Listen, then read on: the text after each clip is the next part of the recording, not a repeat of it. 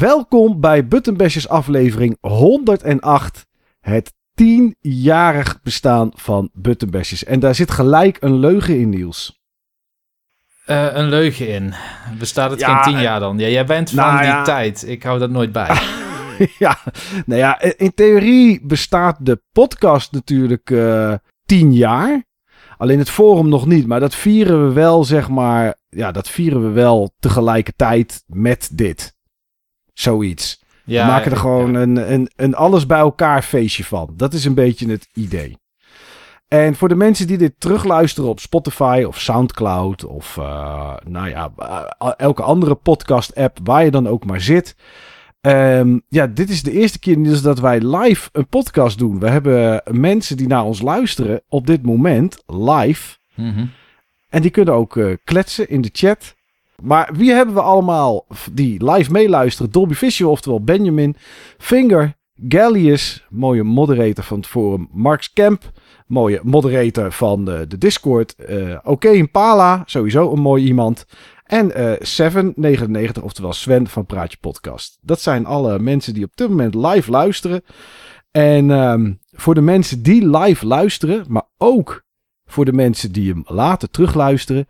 We hebben straks een quiz waar prijzen te winnen zijn. En ehm, gelijk maar even daarmee van start. Wat ik ga doen straks rond een uur of half tien, dus is over anderhalf uur. Dan, ehm, dan ga ik de vragen opnoemen. Want ik moet straks even een break doen in verband met het uitlaten van de honden. En dan hebben jullie tijd om die vragen, die ik ook nog een keer in de chat zal zetten. eh, dan kunnen jullie die beantwoorden. En dan kunnen jullie die, eh, daarna mag je die in een DM naar mij of gewoon in het kanaal sturen. En dan gaan we Niels, degene die later luisteren, die mogen dan alle antwoorden mailen. Maar de mensen die hier live meeluisteren, ja, daar gaan we aan één iemand maken we daar de winnaar van. En die wint dan echt een prijs ook. Nou, dat is toch mooi. Een echte prijs, ja. Een echte prijs. Ja, een echte prijs en echt gelijk. Ja, dus hoeven we niet op te sturen of wat dan ook. Wat gaan we doen vandaag, Niels, in 10 jaar Buttonbashers? Eh, jij hebt de agenda gemaakt, Mike. ja, maar ik denk, misschien heb je hem voor je. Eh, Ehm, nee. Nee, nee, dat maakt ook niet uit. We hebben dus een quiz met prijzen. 10 vragen, ehm, die, gaan we straks, eh, die gaan we straks doen. We gaan het hebben over onze meest memorabele momenten van 10 jaar Buttonbashers. En dat pakken we dus podcast en forum gelijk bijeen.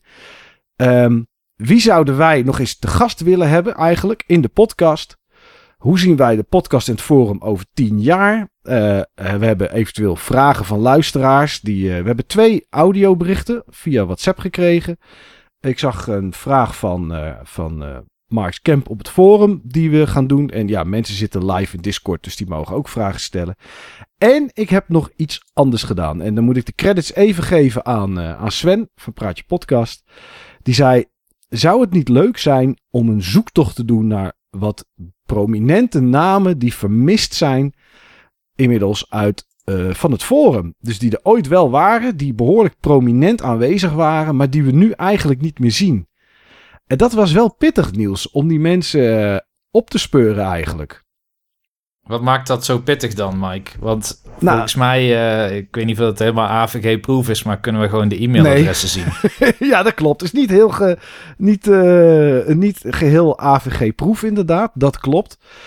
Maar ja, dat is wel wat ik gedaan heb. Alleen, ja, heel veel van die, van die mensen die hebben misschien dat e-mailadres niet meer.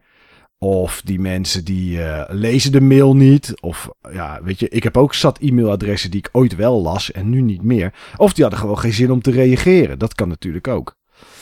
Maar goed, ik, eh, ik heb wel wat eh, mensen gevonden van vroeger. In totaal vijf. Nou, dat is toch, dat is toch wel leuk. Ja, Niels, laten we maar beginnen zoals altijd beginnen. Hoe is het? Nou, het is, het is goed. het is wel vermoeiend. Wat is vermoeiend? Nou, werk. Dus eh, Oh, ja, ik, ik ben echt net pas klaar met mailen. En toen ben ik hier naartoe gegaan terwijl ik achter mijn laptop zat te eten. oké. Maar nu ben ik hier klaar voor. Maar Oké. ja, nee, het is een drukke periode geweest. Maar er staan ook wel weer een aantal mooie dingen aan te komen. Dus dat heb ik er maar voor over. Ja. Eh, als het goed iets, is... Iets, iets wat je al zou kunnen, zou kunnen zeggen, zeg maar.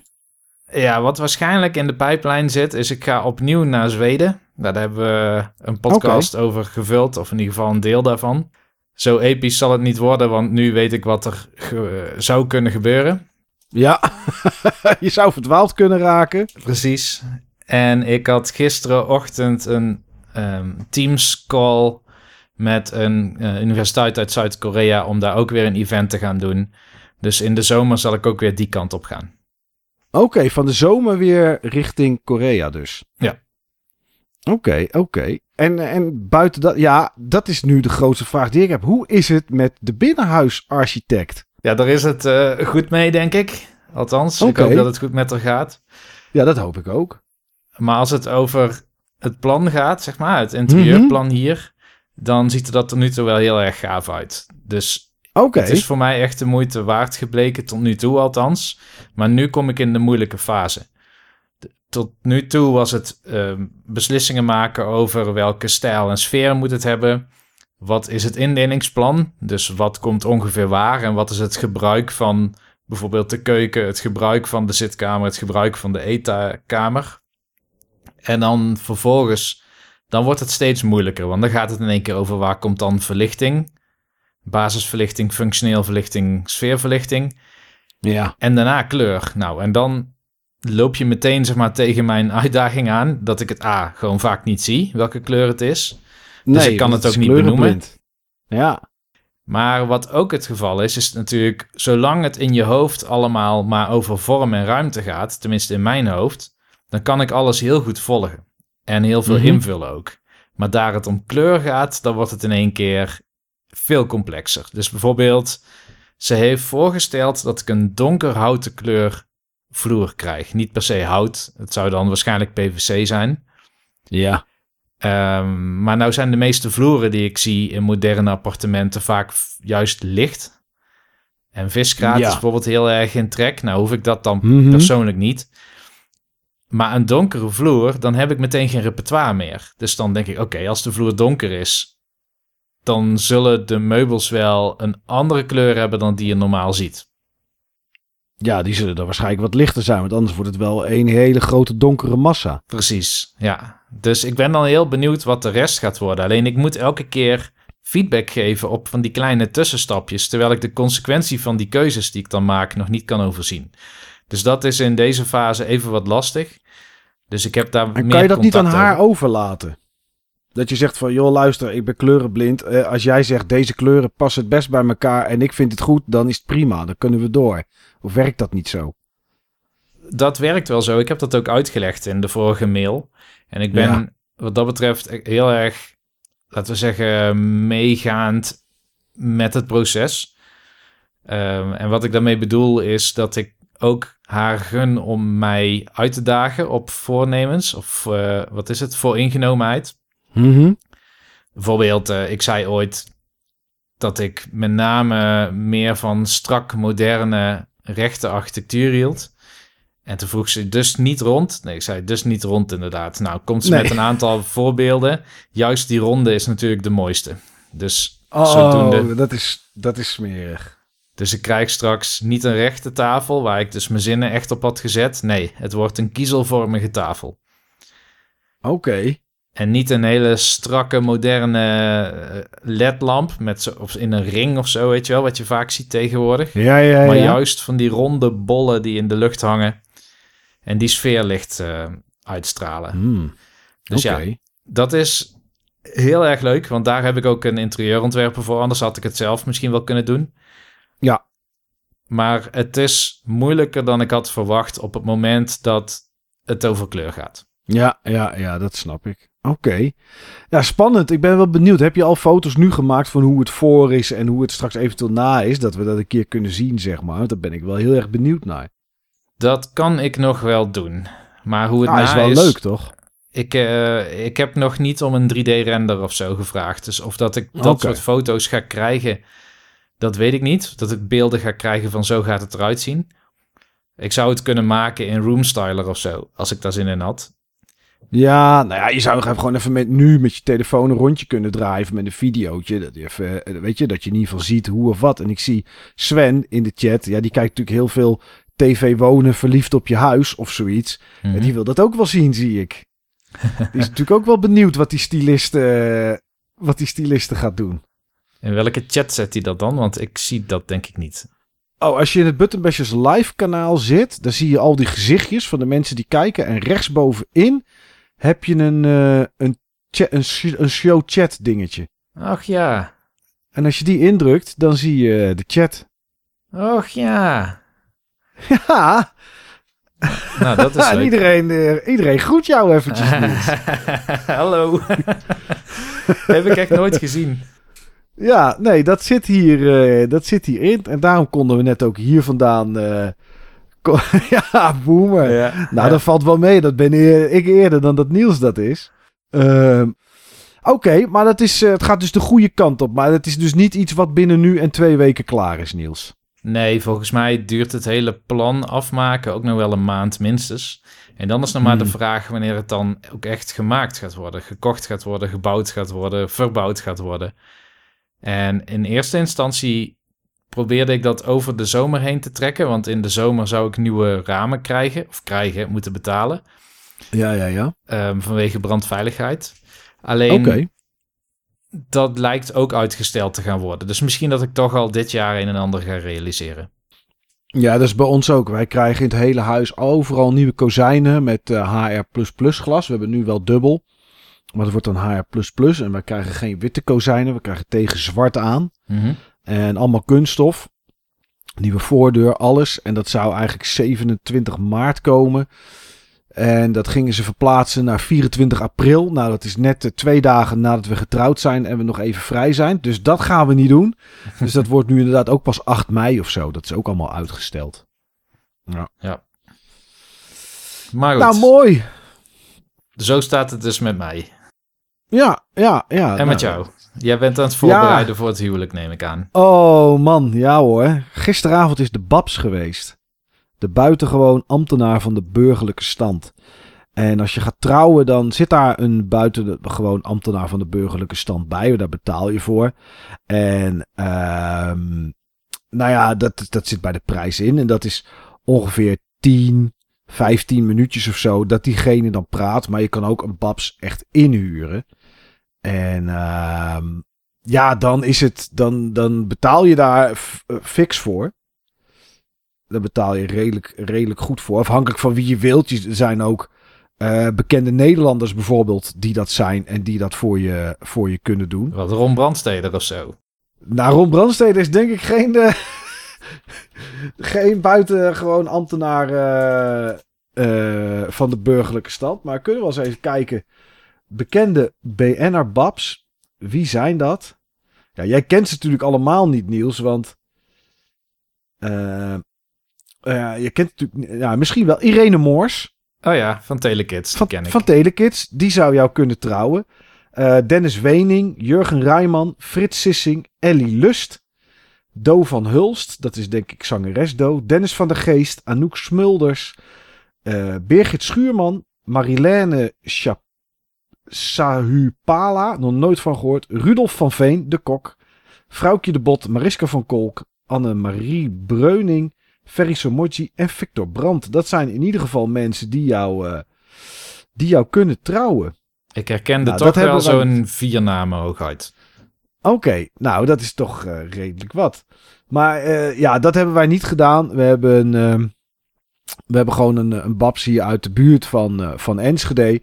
Maar die gaat dan, zeg maar, ehm 45 minuten tot een uur gaat die dan praten.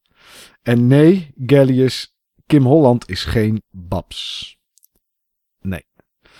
Ehm, en dat, eh, dus ja, dat is, dat, dat, die doet dan meer, weet je. En die heeft dus ook meer info nodig. Dus die was hier gisteren om tien voor vijf. Die kwam ook mee eten. Dus eh, ik moest voor een mond extra koken. En rond tien ging ze weer weg. En dat is best een uitputtingsslag. Hm. Dat is heel gek, maar je bent natuurlijk over emotionele dingen aan het praten. Er komt natuurlijk de dood van Bianca komt daar natuurlijk weer aan voorbij. Want ja, weet je, dat is toch, hè, is toch je verleden. Ehm, Dat soort dingetjes eh, gebeuren dan. En je moet ineens heel anders nadenken over dingen. Net zoals dat jij over je huis heel anders moet nadenken. Krijg je ineens de vraag: ehm, eh, waarom hou je van je ouders? Ja, weet je, als ik dat aan, normaal aan iemand vraag, zegt iemand: ja, ik hou van ze omdat mijn ouders zijn. Ja, oké, dat is leuk, dat is logisch. Meestal logisch. Maar waarom dan, zeg maar? Weet je, wat is dan dat wat is de eigenschap waarom je van die persoon houdt? En dan moet je er in één keer over na gaan denken. En dat is toch wel, uh, dat is toch wel heel anders.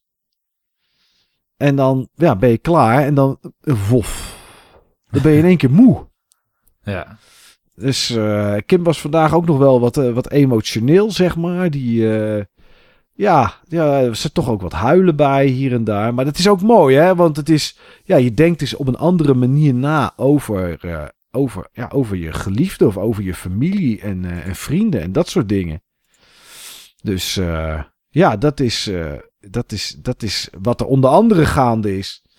En ehm, ja, voor de rest moet ik nog wat dingen voorbereiden. Ik ga zaterdag met de kinderen kleding kopen. Mijn pak heb ik inmiddels binnen. Um, Kim gaat over een week of drie, vier volgens mij de jurk ophalen. Maar het is al over een week of zes. Ja. Dus uh, het, komt, het komt wel dichtbij. Ja. Spannend. Dat moet ik wel zeggen. Maar ik heb er wel enorm veel zin in. Ja, ik ook. Ik heb... ja, ja, nou ja, mooi. Zeker weten. Ja, leuk dat je erbij bent, uh, kerel. Krijg je nog een appje over?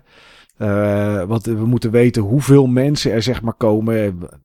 Weet je, dat is dan ook zoiets. Uh, je nodigt mensen uit en je hebt een ceremoniemeester.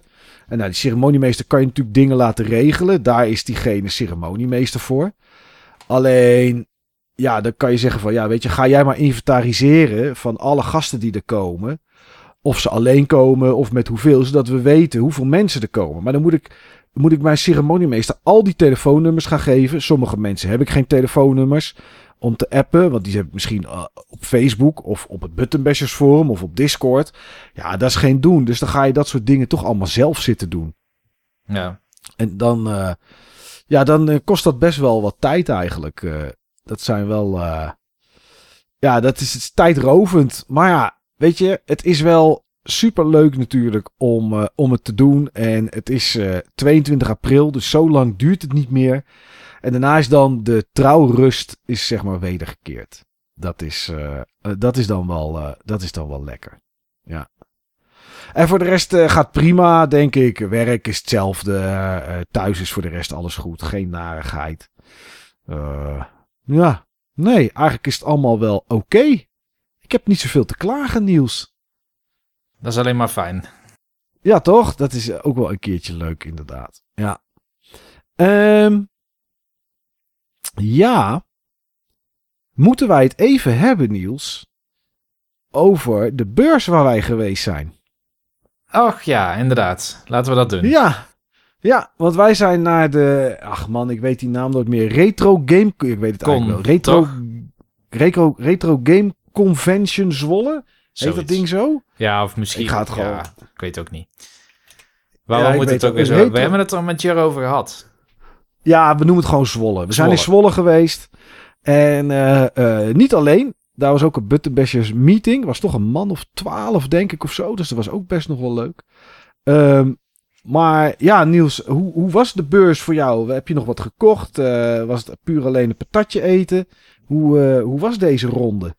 Nou, zoals gewoonlijk kwam ik net te laat. Of net te laat. Het was in ieder geval na de meeting, de BB-meeting. En ja, die was om 12 uur. Die was om 12 uur inderdaad. Volgens mij kwam ik rond een uur of één of zo. Zo rond die tijd.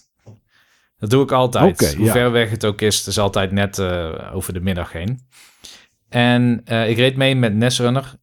Met zijn elektrische auto. Dus dat is altijd even kijken dat je dan kan parkeren en opladen. Ja.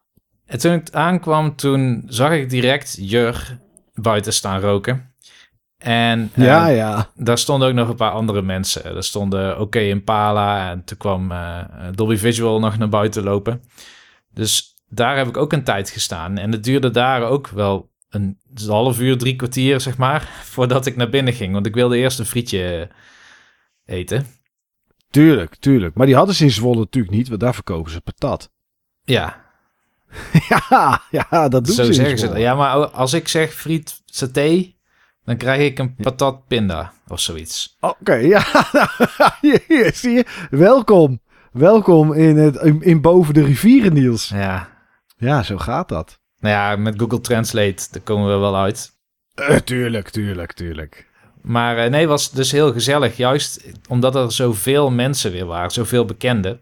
En dat is eigenlijk voor mij ook de hoofdreden om te gaan. Ehm, maar Marks Camp was er dus niet. Dat was dan weer jammer. Want eh, ik vind namelijk koffie van Marks Camp altijd wel heel lekker. Zeker, ja, ja, ja, omdat het niks kost. Dus dat is altijd dik prima. ja. maar Campy was er niet inderdaad, nee. Nee, nou ja, misschien volgende keer. Maar hij is er wel nu, bij deze live-uitzending. Eh, sorry boys, stond nog te twijfelen, zegt hij. Ja, Ja. bij twijfel niet niet, doen. Hè? Maar ja, in ieder geval, ehm, volgens mij duurde de beurs tot vier uur. Al zag je om half vier al wel stands opruimen. En ik heb dan denk ik, nadat ik buiten heb staan praten met een aantal mensen, toch nog zeker wel zo'n anderhalf uur rond kunnen lopen. Oké. En de beurs was best wel druk bezocht, want de nummertjes die bij de loterij werden omgeroepen gingen tot in de 900. Oh ja, er waren echt een hoop mensen. Ja. Dat klopt. Juist trouwens, als ze dus die nummertjes gaan omroepen, dan ga ik de hele beurs door. Want dan kun Ja. je tenminste overal kijken. Ja, het is lekker rustig, want iedereen staat te hopen op een prijsje. Ja. Maar ja, het was dus niet super druk, vond ik zelf. Je kon op zich prima lopen, prima bij dingen kijken. Heel af en toe moest je heel even wachten, omdat er dan twee mensen of zo in een bak staan te graaien waar je ook bij wil. Ja. Maar ik vond dit eigenlijk best wel een prettige beurs wat dat betreft. Ik heb denk ik Was het twee ook? rondjes gemaakt of zo. Ja, ik ook zoiets of anderhalf. En het was, het was inderdaad prettig dat het... Het was heel erg verspreid. Ik was er niet om... eh, eh, tien, half tien ging die open volgens mij, de beurs. Ehm ja, oké, Pala en Vinger zeggen ook dat het erg prettig was inderdaad, de beurs in Zwolle. En ik was er, eh, ik was er volgens mij rond 11 of zo. En nou ja, een beetje onwennig, want waar ga ik beginnen?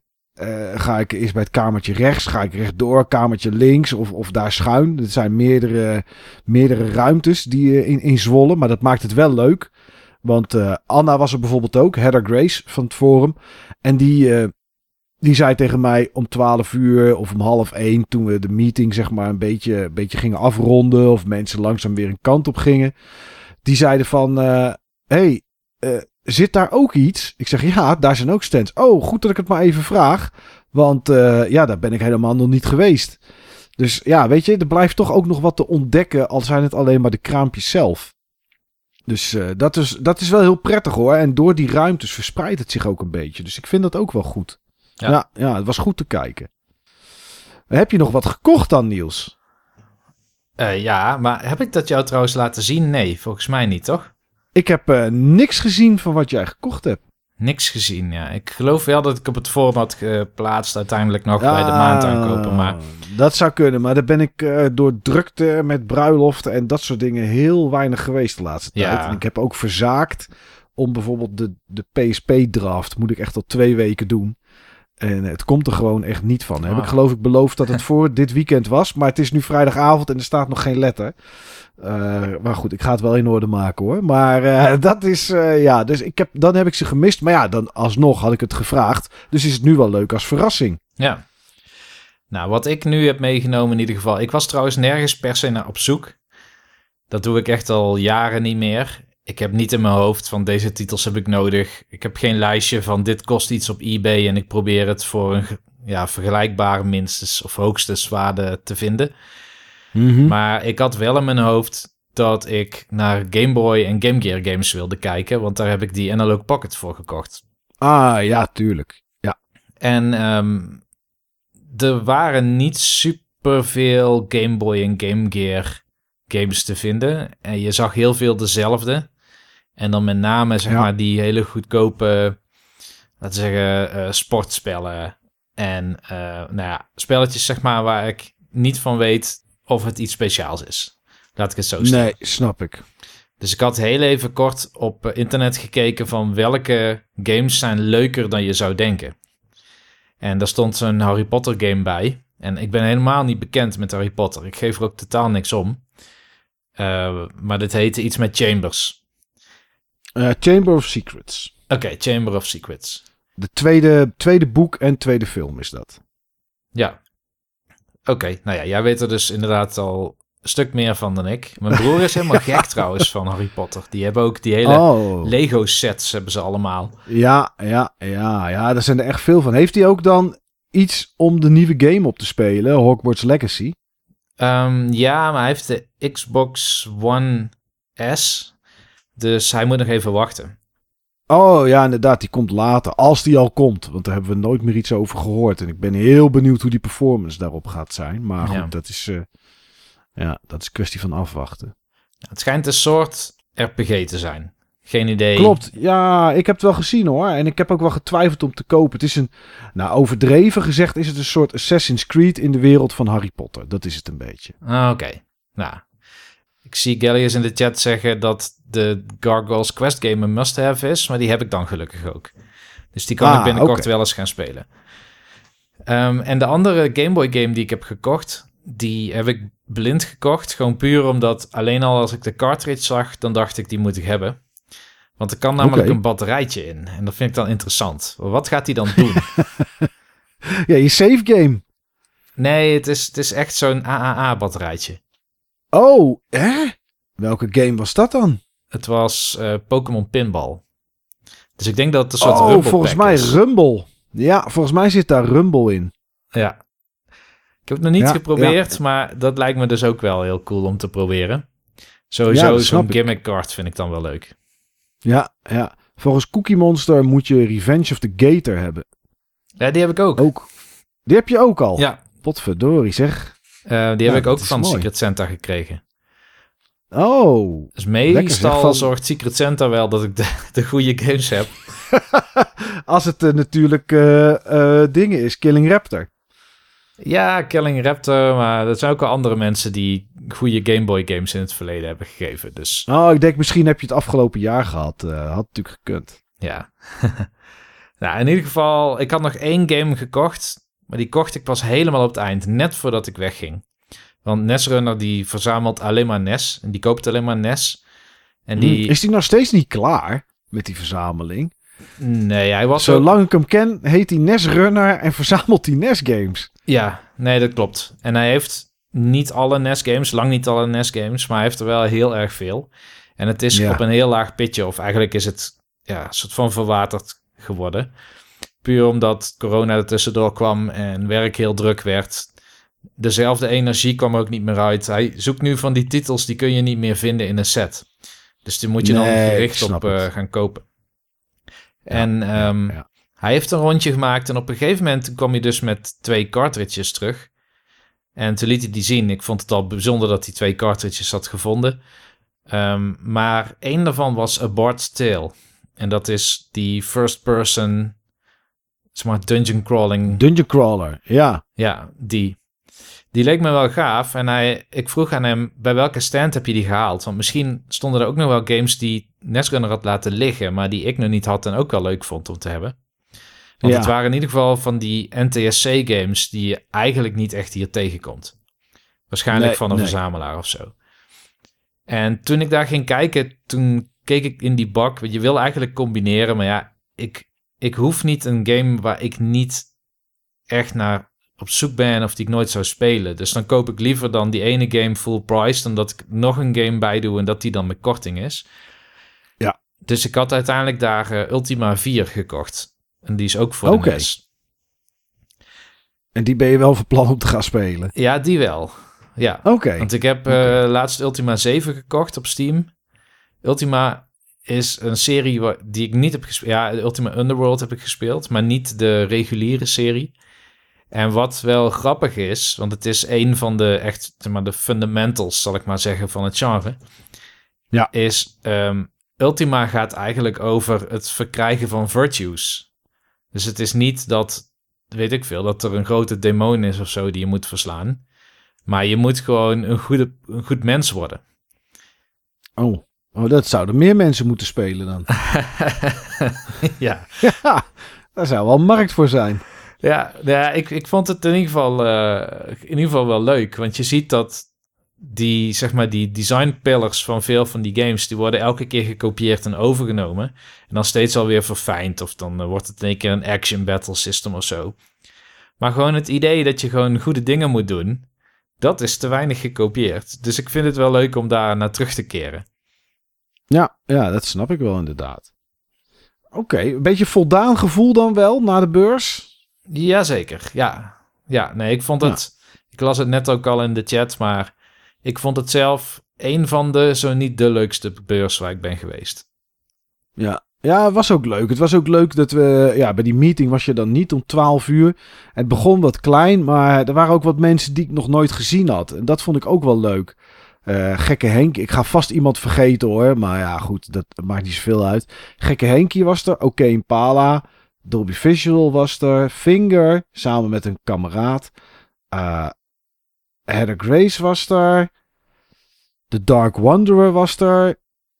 Uh, Cake, oftewel C4 was er. Oh, samen met een.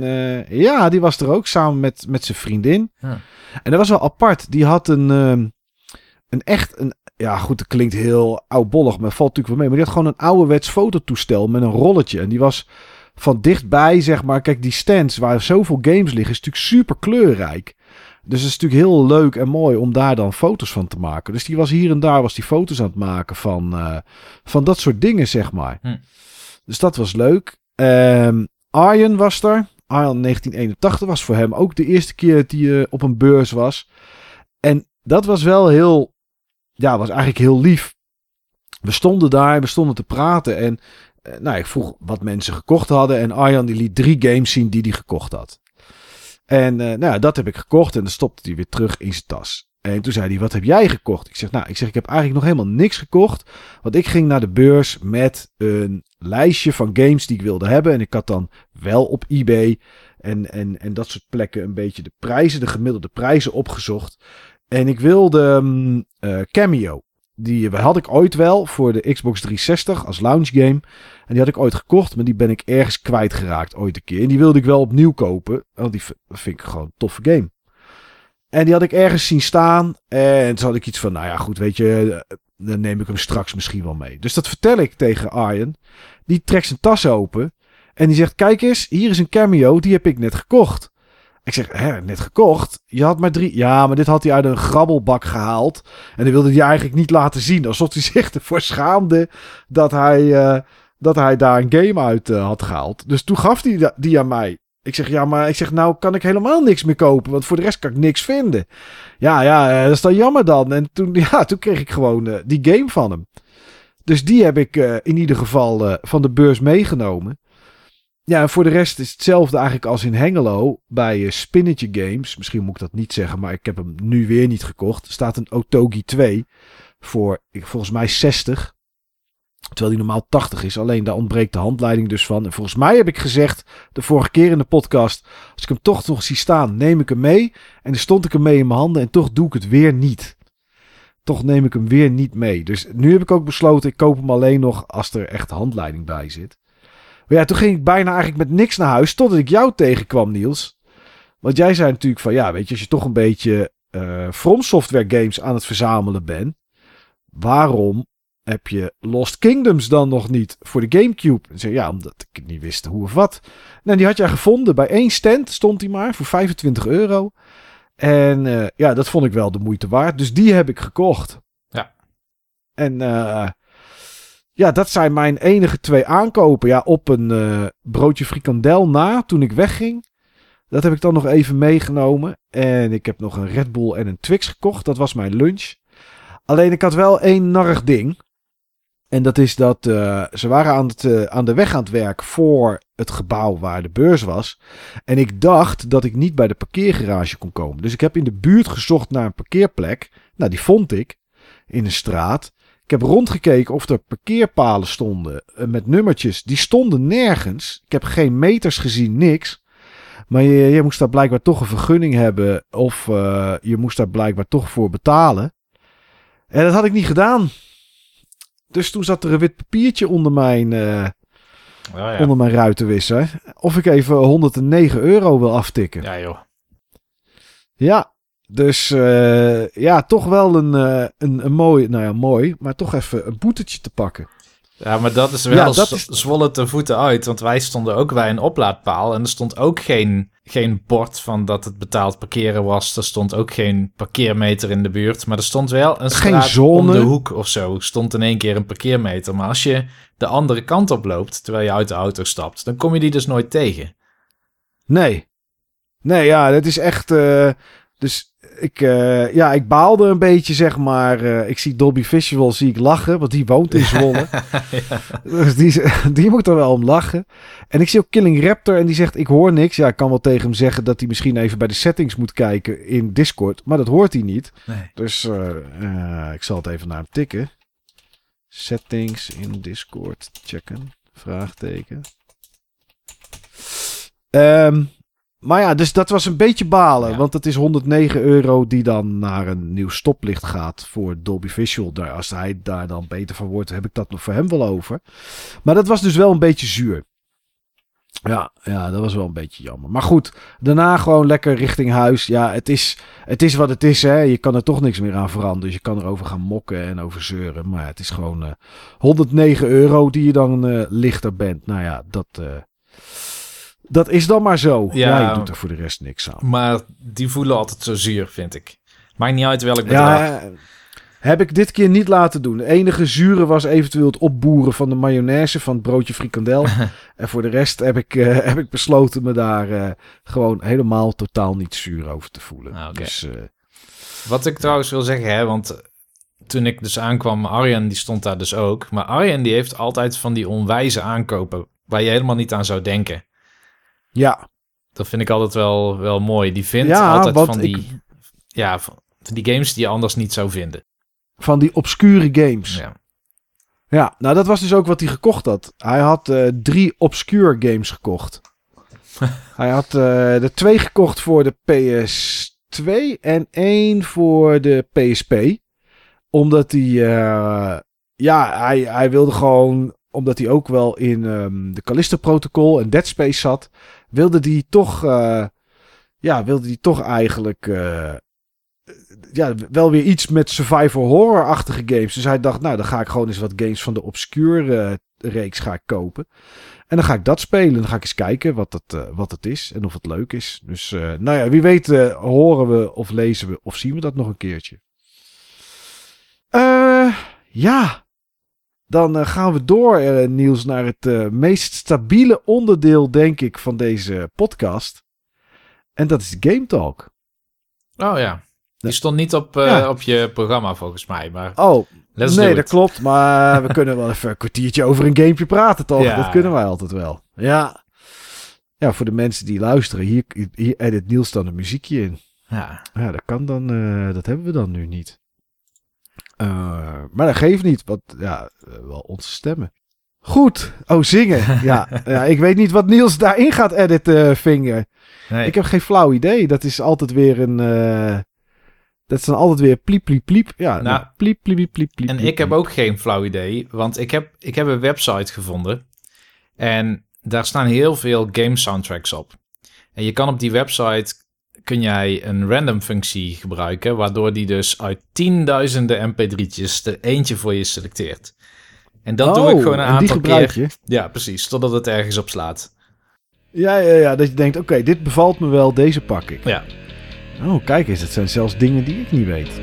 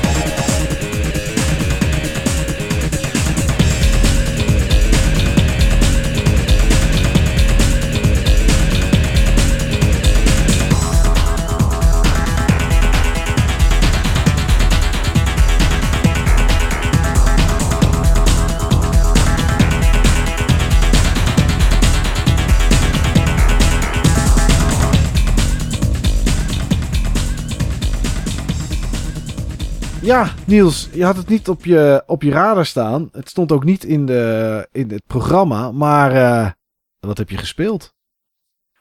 Ja, het is even een tijdje geleden dat ik iets heb gespeeld. Want de laatste weken, of eigenlijk sinds de laatste game die ik heb uitgespeeld, heb ik niks meer opgestart. Maar uh, de game die ik heb uitgespeeld laatst is Persona 4 Golden. Ja, ik wou net zeggen, ik heb dat gezien op de Switch dat jij dat zat uh, te spelen. Ja, want toen was ik even heel intensief echt aan het pushen, zeg maar, om die game uitgespeeld te krijgen, zodat ik weer aan iets anders kon beginnen. Maar Persona ja. 4 Golden is um, een, echt een hele lange game. En het is onderdeel van een serie die eigenlijk pas sinds deel 3 een beetje bekend is geworden in het Westen. Um, eigenlijk is het een spin-off serie van Shin Megami Tensei. Daar heb ik natuurlijk al regelmatig iets over verteld in de podcast.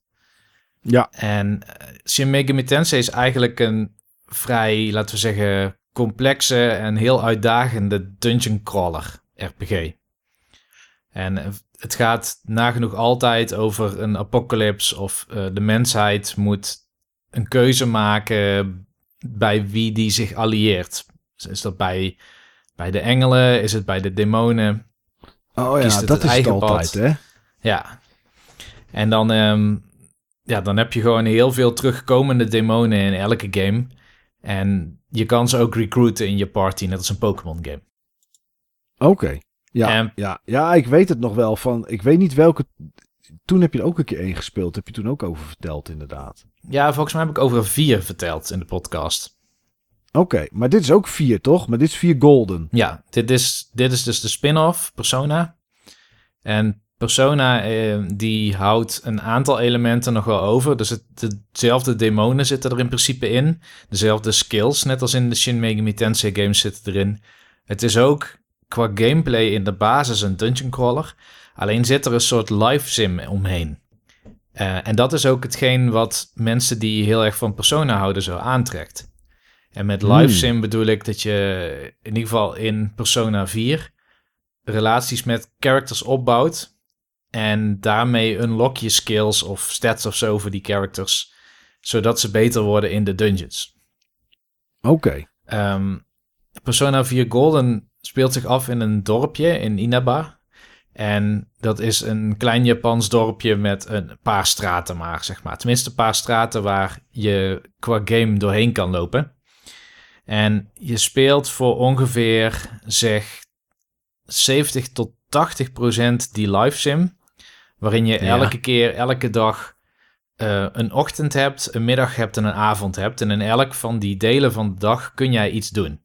Je kan, eh, nou ja, meestal is de ochtend bezet gewoon door school.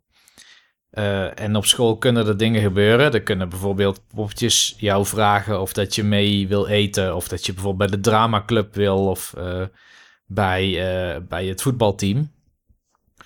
En in de middag dan heb je vrije tijd. En- En dan kun jij of op school dingen gaan ondernemen. Op sommige dagen kun je voetballen of zo.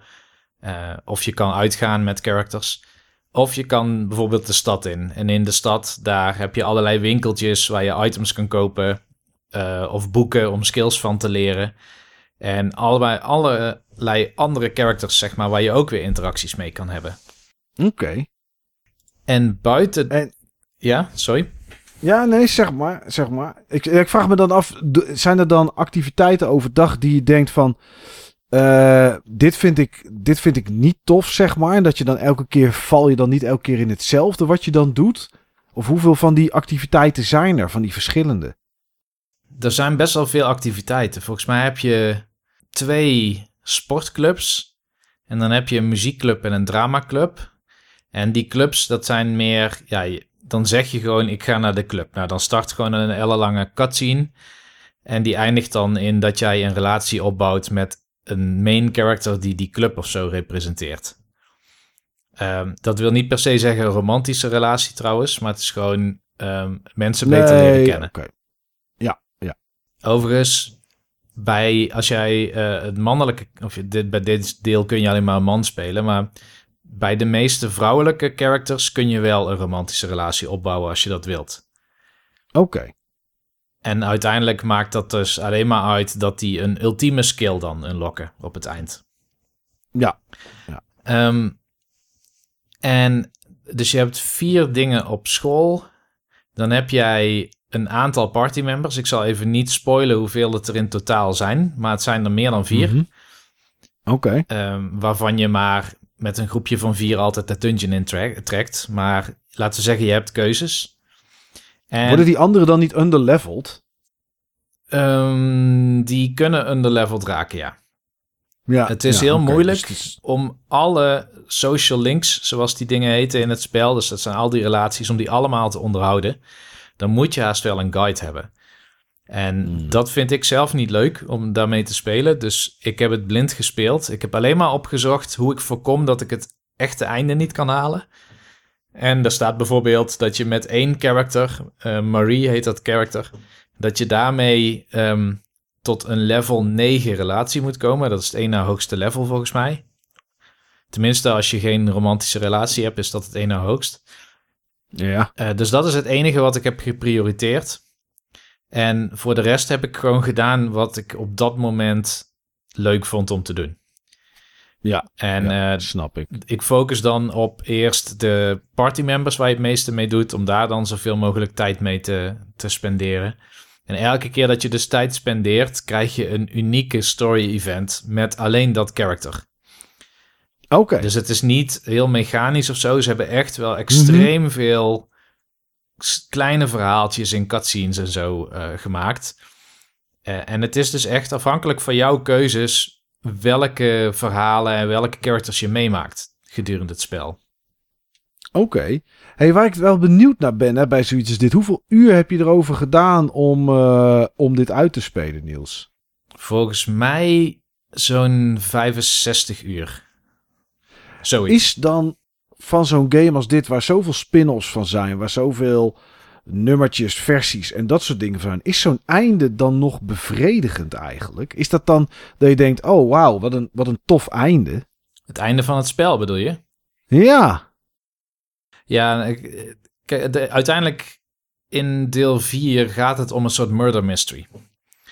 oké. Dus het einde is zeker bevredigend om te weten wat er nou precies is gebeurd. En, Dat snap en wie dan ja, de echte ja. moordenaar is.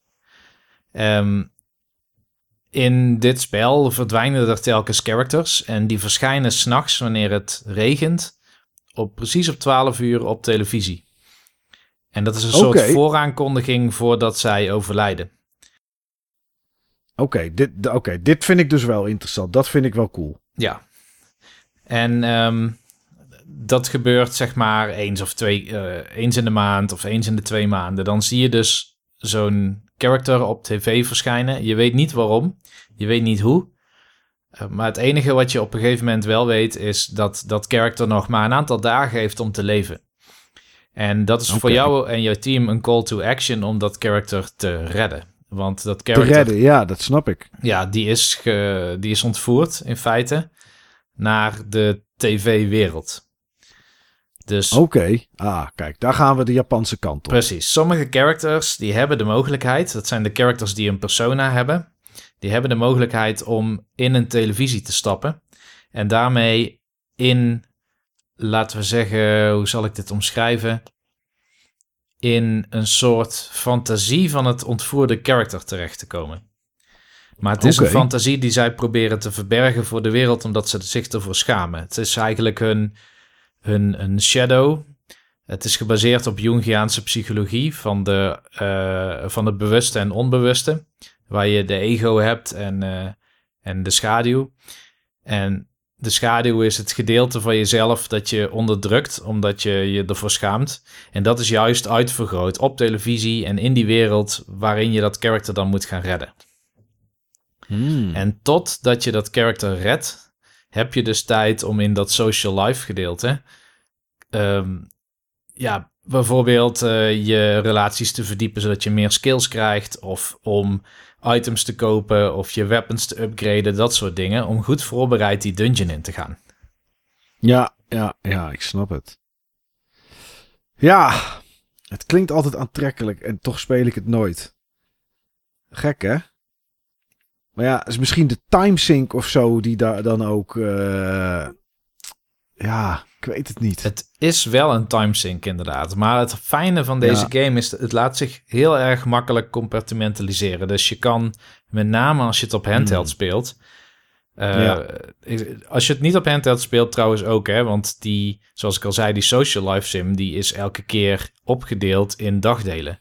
En je kan Ja. in elk deel van de dag kun jij saven. Het is alleen wanneer je in een dungeon zit... dat je waarschijnlijk niet kan saven. Dus dan is het fijn als je hem gewoon uit kan zetten en meteen door kan gaan op het moment dat je het systeem weer aanzet. Nou kunnen alle systemen slapen tegenwoordig. En Xbox die heeft ook dat je meerdere games kan laten slapen op de achtergrond. Ja, Dus quick resume. precies, dat is echt wel, eh, echt wel de moeite waard om te spelen. Ja, Ehm, er is ook een, een vraag trouwens in de chat van Killing Raptor over Persona 4. Ehm, namelijk, er zit een tijdsdruk op, dat klopt. Eh, hoe groot is die tijdsdruk, zeg maar, hoeveel druk geeft dat? Hoe het in feite werkt is, ehm, op het moment dat je weet wie er ontvoerd is, dan is er eh, een indicatie die heeft met het weer te maken, waarin je kan afleiden wanneer die persoon overlijdt. Het spel vertelt dat ook gewoon, dus dat is niet per se iets wat je hoeft te ontdekken. Het is namelijk zo dat als het twee dagen achter elkaar regent, dan verschijnt er mist. En wanneer die mist verschijnt, dan zou het karakter over, overlijden. Dus je kan op je televisie in je kamer waar je slaapt bijvoorbeeld, kun je kijken van wanneer is het straks mist. En in feite, in Persona 4 zou je tot de laatste dag gewoon kunnen uitstellen om die dungeon in te gaan. Als je eenmaal die dungeon in bent, dan kun je daar eigenlijk net zo lang blijven als dat je wil. In Persona 5 kan dat niet, want dan moet, doe je soms twee dagen over één dungeon. Maar in 4 kun je elke dungeon in één dag uitspelen. Want hoe lang jij ook blijft grinden, de dag blijft altijd hetzelfde. ja. Het, eh, ik zie mensen in de chat die zeggen, ik, ja, die hebben waarschijnlijk nooit Persona gespeeld. En die zeggen, het is, eh, ja, die, die snappen het niet. Killing Raptor Ja, snapt misschien het is wel. Ja, ja, ja, nee, precies. Dat is, eh, dat is, eh, die kwam met de vraag, dus dan is het, eh, dan is het goed. Ja, ja, Ja. ja. Nee, ja, maar inderdaad, mooi. kijk, het, het spel speelt zich af eigenlijk over de periode van een heel jaar. En elke keer dat jij een actie doet, dan ga je een dagdeel verder. Ja, oké. En dat betekent dus dat je tijd gelimiteerd bent. Alleen het is zo duidelijk dat je daar eigenlijk geen last van hebt. Tenzij je per se alles uit het spel wil halen en alles gezien wilt hebben, dan is het moeilijk. Hmm, snap ik, ja. Oké, en daarna heb je geen games meer opgestart dus, Niels? Nou, je, we hebben natuurlijk samen die Nintendo Switch Online Plus of zoiets, weet ik veel hoe dat Ja. ding heet, uh, gekocht. Ja, expansion pack of zo hebben we gekocht. Ja. Ja. En daarop heb ik wel een en ander geprobeerd. En daar ben ik begonnen met Shining Force op de Mega Drive. Gewoon puur omdat dat Oh. even zo'n zo'n Fire Emblem-achtige game is. Die je ook heel makkelijk Ja. even in de trein kan spelen.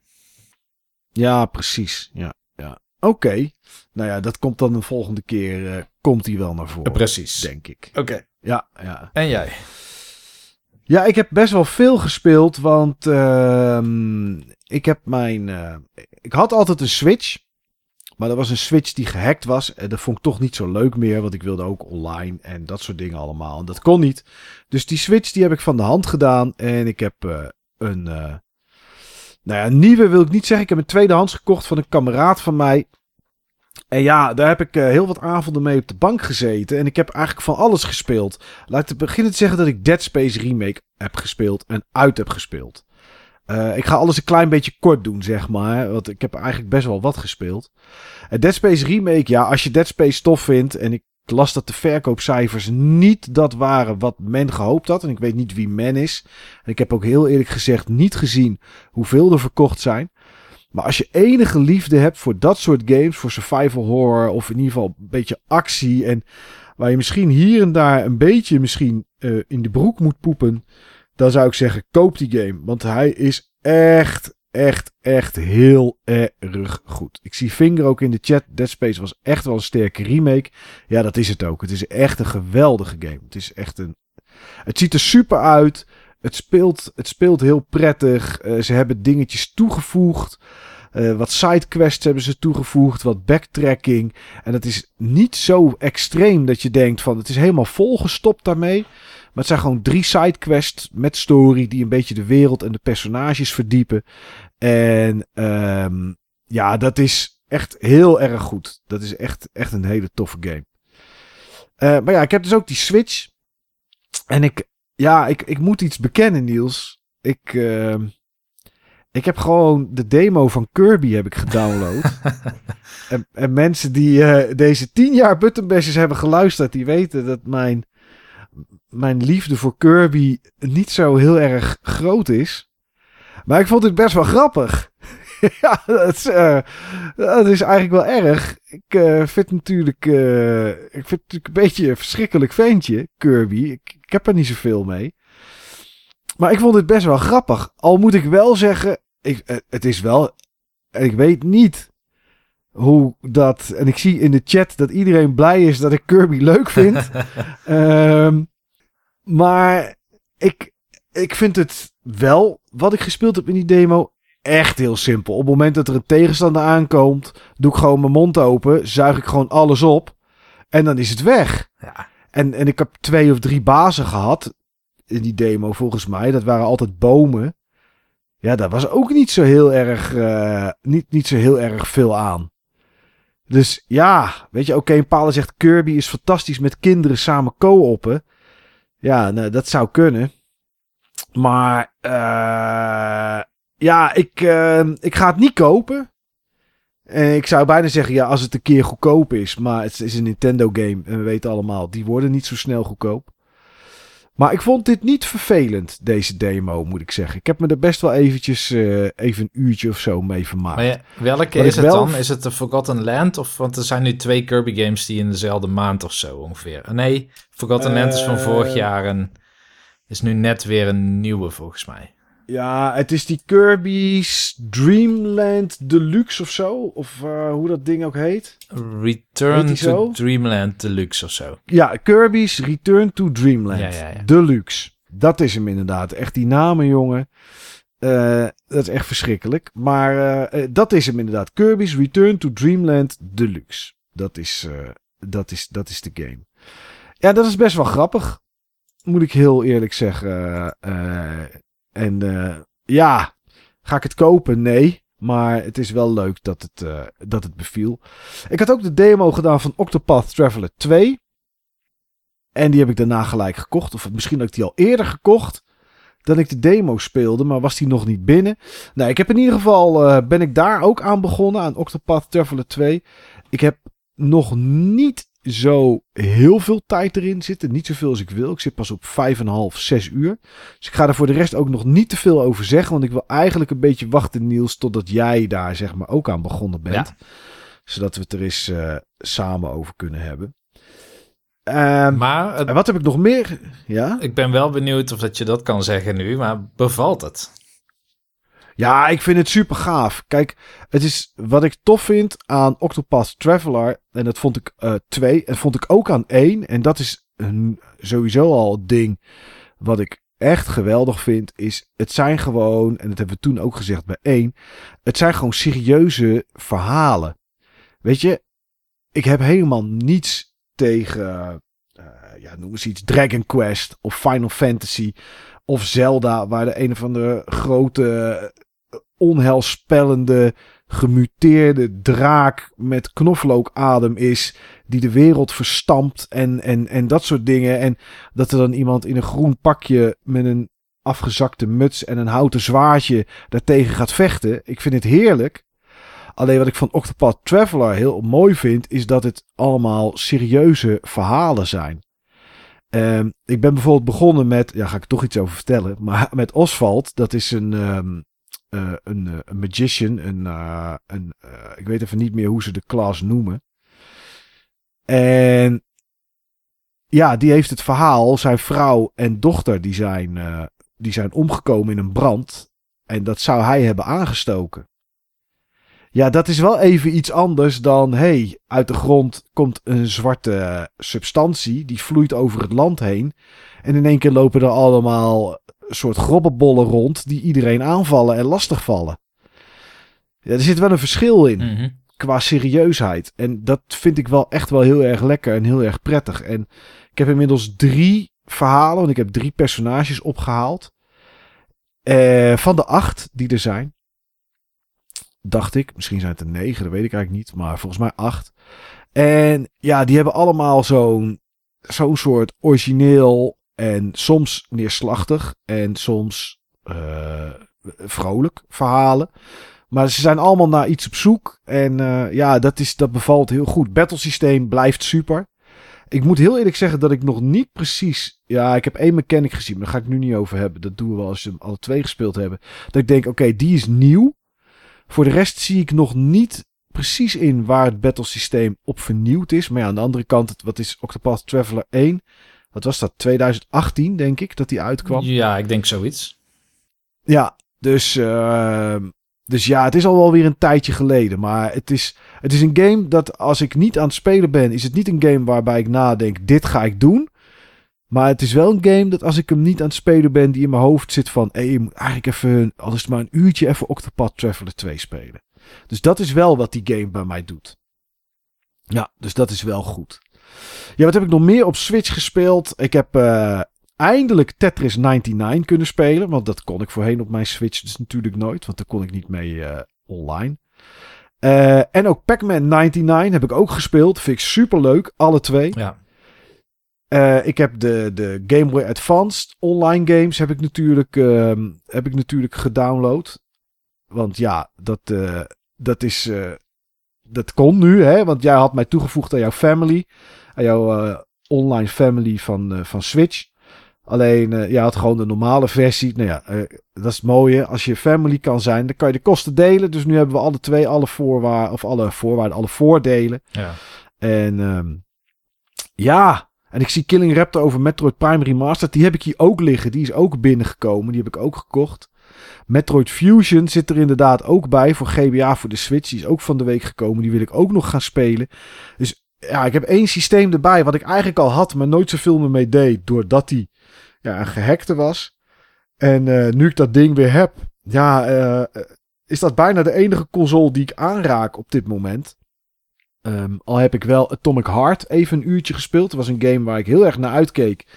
En ik heb me echt door het uur heen moeten slaan, want ik vond het dodelijk saai. Maar goed, komt ook nog wel eens een keer terug op het moment dat ik daar meer in gespeeld heb. Eh Wulong is uit. Die wil ik nog spelen. Ja, eh, er is zoveel wat er nu uit is, Niels, dat ik wil spelen. Ja. Dat het is echt, het is te bizar eigenlijk gewoon op dit moment.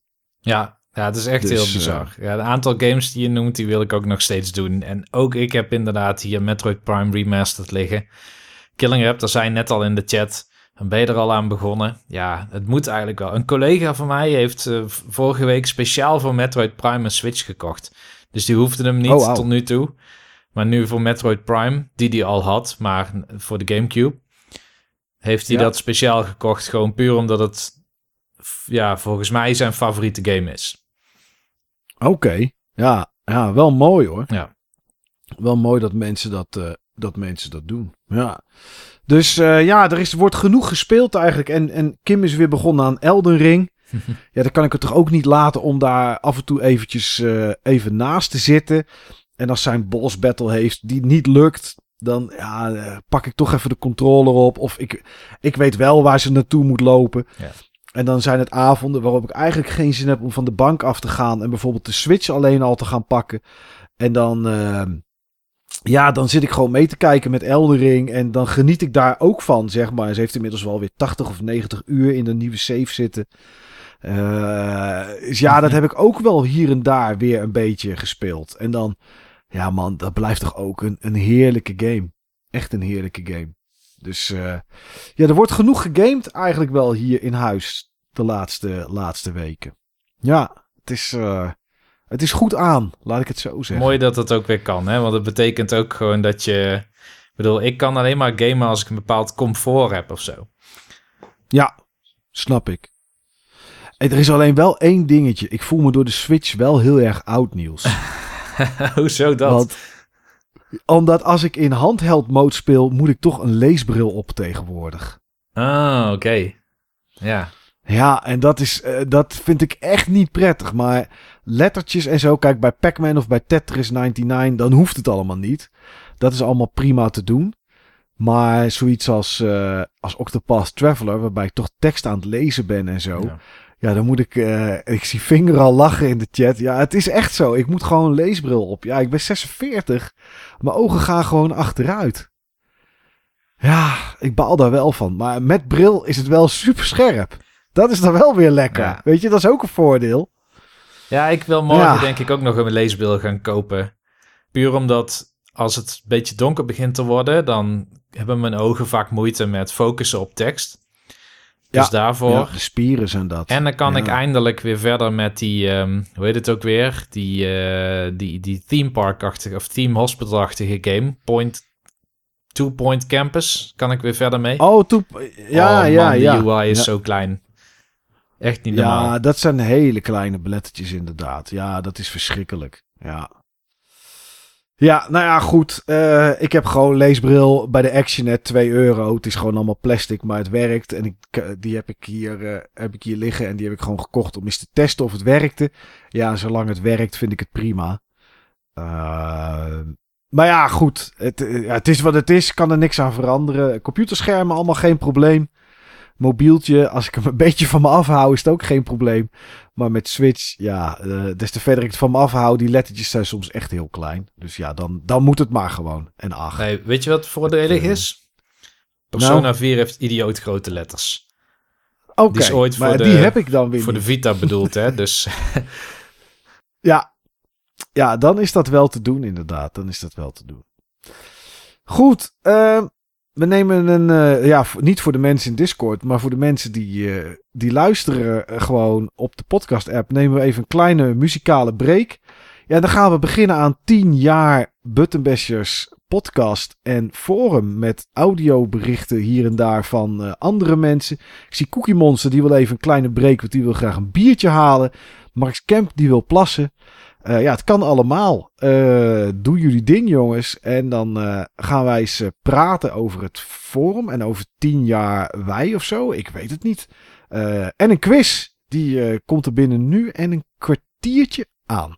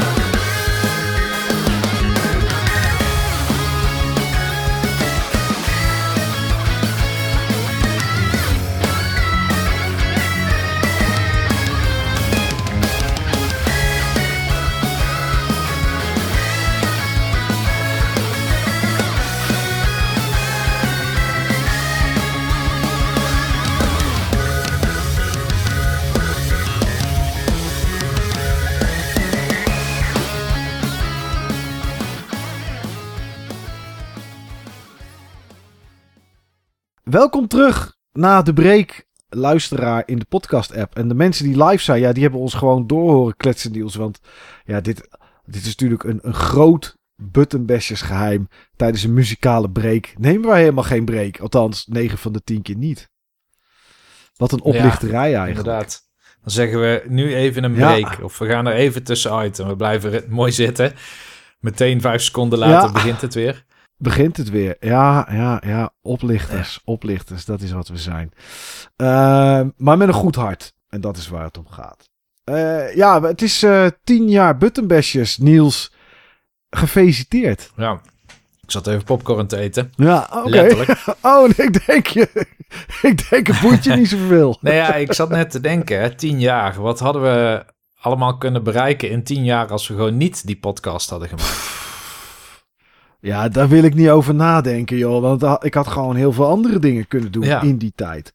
Maar draai het eens om. Stel dat je het niet gedaan had. Wat had je allemaal gemist? Wat had je allemaal gemist als je het niet gedaan had? Ja, dan hadden we elkaar sowieso Ja. niet gekend. Want Nee. Niet zoals we elkaar nu kennen nee, in ieder geval. nee, dan had ik jou alleen gekend als een zure, een zure Zeker. hater met een PlayStation logo of een Xbox logo. Ik weet niet meer wat je op Palrox had.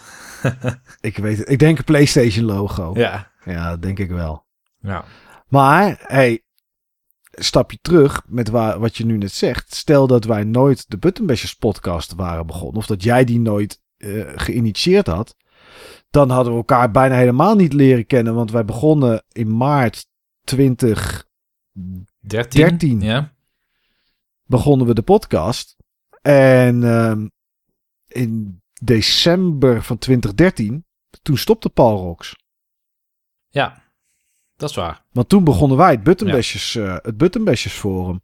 Dus als, dat, eh, als wij dat nooit gedaan hadden, of als jij nooit die initiatie had gedaan van die podcast en Steve erbij had gevraagd, ja, dan, dan, dan hadden we, had ik hier geen Evercade staan, denk ik, die hier, die Ja. hier zo in beeld zijn voor de mensen die kijken. Ja, dan had het, eh, had het heel anders gelopen. Ja, hadden we ook geen Buttonbashers forum, hadden we al dat nee, soort dingen dat niet was er mee. niet geweest.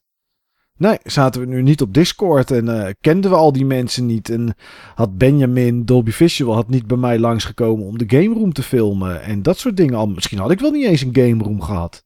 Had dat doodgebloed. Ja, een soort butterfly effect beschrijf je nu. Ja, nou ja, dat is het wel natuurlijk. Wat als we dit niet gedaan hadden? Dus ja, het is, hè, wat hadden we met die tijd kunnen doen? Ja, daar hadden we best een hoop, eh, een hoop dingen mee kunnen doen. Maar we hadden ook een hele hoop gemist. Ja, zeker. Nee, ik heb ook geen spijt hoor van die tijd. Totaal oh, nee, niet. nee, nee. Zeker niet. Zeker niet. Zeker niet. Nee, nee, nee. Dat is, eh, ja. Ja, als je erover nadenkt, hé. Tien jaar. Tien jaar maken wij al podcast. Dat is wel extreem lang. Het is heel lang. En ik stond daar een tijdje geleden ook bij stil. Er zijn best wel veel podcasts die lang hebben gedraaid. Maar er zijn zo weinig die tien jaar draaiden. En Ja. het was ook niet per se iets wat ik dacht dat we zouden gaan doen. Van tevoren althans. Tien jaar. Eh, wel veel afleveringen. 100 afleveringen, Mm. dat zag ik ons wel doen. Maar verspreid over Ja. tien jaar, dat had ik toen nog niet zo voor de geest gehaald. Nee. Nee, ja, in het begin was dat wel makkelijker om te bedenken dat we dat gingen halen. Want toen namen we om de week op. In het begin. Eh, dat is, later is dat, eh, is dat allemaal wel een beetje, beetje wat meer verspreid geworden. En anders was het ook niet meer te doen. Hadden, elke om de week opnemen had nu, zoals het leven nu is, gewoon nooit, nooit meer gelukt. Maar ehm, ja, het is wel, eh, het is, ja, dat we die 100 zouden halen. Dat wist, ja, op een gegeven moment wel natuurlijk. Op een gegeven moment voel je dat wel. Als je rond de 50, 60 zit, dan denk je, nou weet je, wat kan er misgaan totdat we bij die 100 zitten? Alleen had ik verwacht dat we die 100 wel eerder hadden gehaald. Maar ja, dat is gewoon hoe het leven loopt. Ja, Daar doe je dan, eh, daar doe je dan natuurlijk weinig aan. ik heb ook even de cam Ja. aangezet, hè, want anders dan eh, Ah, sta je daar zo ja. eenzaam te staren. Oh, dat is, dat is allemaal goed. Ik zal, eh, ik zal mij straks even. Eh, ik weet niet meer hoe ik me nu. Unfocused is person. Zo ja, als ik zo meteen dat ding ga proeven, dan zal ik dat wel doen.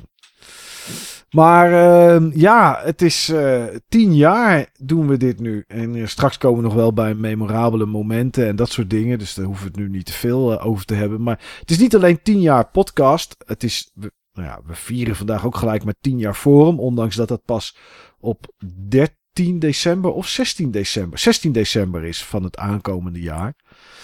En, eh, maar ik heb wel eventjes gekeken, stiekem, naar de stats. En dat is eh, ja, toch best wel aardig eigenlijk. We zitten nog niet op 10 jaar, maar we doen gewoon net alsof.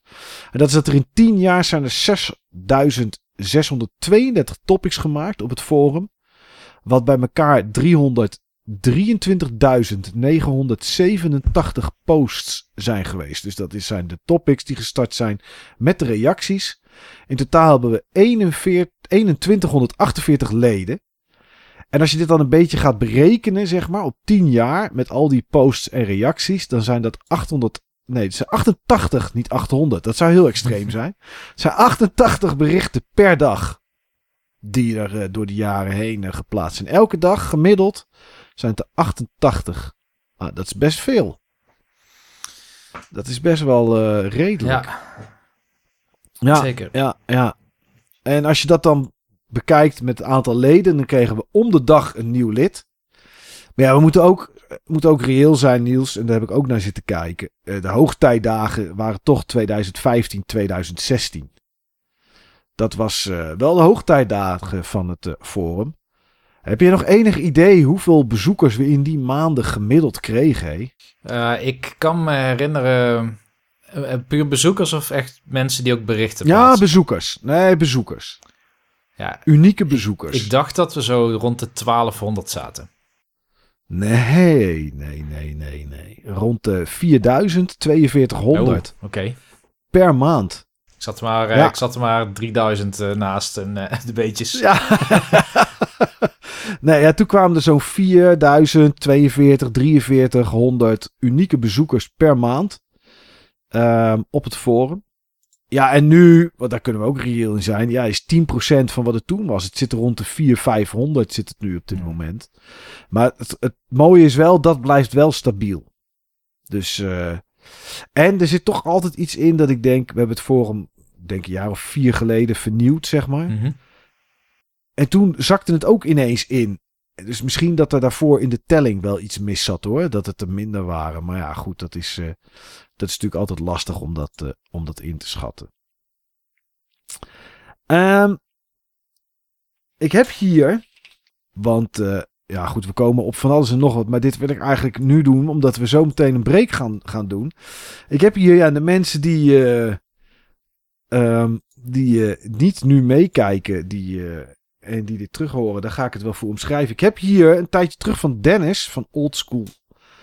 Heb ik een. eh, die hadden we een. ehm, wat hadden we nou? Oh, wat een Evergate game hadden we met, eh, met wat mensen gekocht. Waar dan een plush bij zat van Flea. En hij stuurde me dat op. En daar zat een zakje bij. En ik heb het hier. De mensen die, eh, die live op dit moment zijn, die kunnen het zien.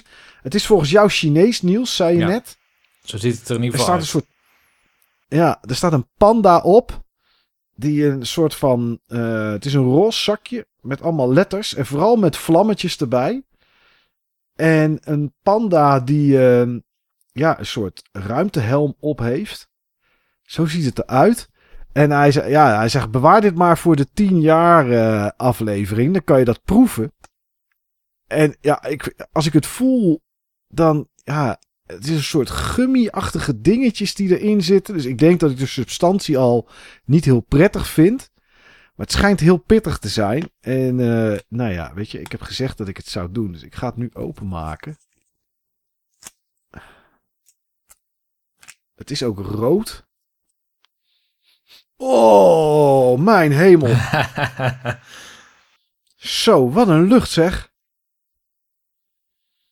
Oh, jeetje. Ja, als, dit, als, als ik iets in de koelkast zou hebben dat zo zou ruiken, dan zou ik het weggooien.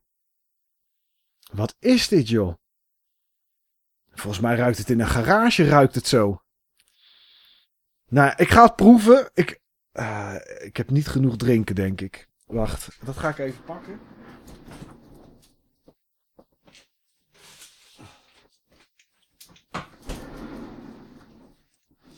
Ik heb een extra flesje drinken hier staan. Dennis is in de chat en die zegt: eh, Het is een wortel van het een of ander. Nou, dat klinkt al heel aantrekkelijk om te gaan eten. Maar ja, ik heb het beloofd. Ik neem even een slokje. Ah man, dit wil je echt niemand aandoen ook gewoon. Maar goed. Het lijkt nog het meest op champignons, zegt hij. Ik heb het hier. Het lijkt wel vis. Of iets. Ik hoop niet dat dat het is, want dat vind ik echt niet lekker. Dennis, heb jij het zelf wel eens gegeten? Daar ben ik dan wel benieuwd naar. Regelmatig, zegt hij. Oké.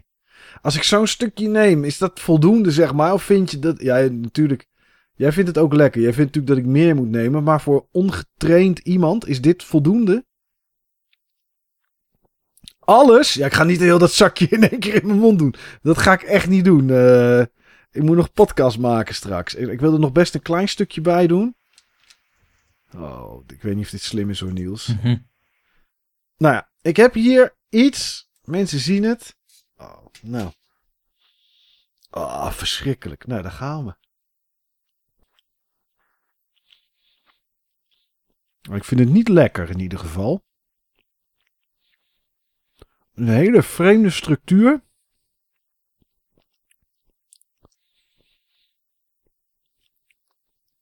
Ja, Ja. het is, het is wel pittig hoor. Het brandt wel. Ik ehm, kan me niet voorstellen dat Dennis zegt dat hij het lekker vindt. Dat heb ik dan niet.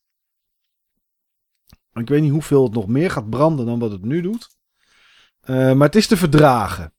Het is te verdragen. Maar de geur niet zeg. Man, man, man. Nou ja, goed. eh Dennis, dank je wel voor het... eh, Ja, het brandt wel. Ik neem wel even een slokje. Ik ben trouwens ehm, zelf kimchi aan het maken. Oh, die gefermenteerde ding. Ja, dus ik heb zo'n grote wekpot van 2 liter. Er zit zo'n waterslot in. En eh, Mhm. dat laat je dan vier maanden staan. Zodat het lekker gaat Jeetje. fermenteren. Ja. En dat is lekker. Mm, ja. Nou, Dat is wennen, maar het, ik... het wordt wel een soort delicatesse of zo. Ik kan Ja. het dan echt gaan snacken. Ik kan dit niet beschouwen als delicatesse. Nou, dat is jammer. Ja, ja. En Dennis vraagt, zal ik er nog meer op sturen? Nou, ik wil deze anders wel terugsturen, Dennis. Als je het zelf zo, eh, zo lekker vindt.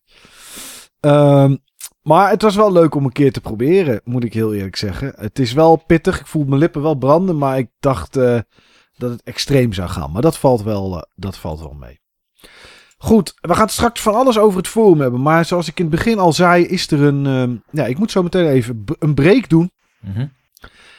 En ja, dan gaan we, we gaan quizzen, Niels. Hoe leuk is dat? Ik, en het eh, is niet... Sorry, ja, ga door. Ja, nee, zeg maar. Er is één vraag waar we het antwoord nog niet op weten. En ik heb een manier bedacht om daar het antwoord op te vinden. Zonder die hack te doen die ik net Oké. had verteld. Oké, oké, oké. Wat we gaan doen, eh, mensen die thuis zitten, de, thuis of in de auto of waar dan ook, mensen die luisteren in ieder geval via podcastfeed, jullie kunnen een hoofdprijs winnen.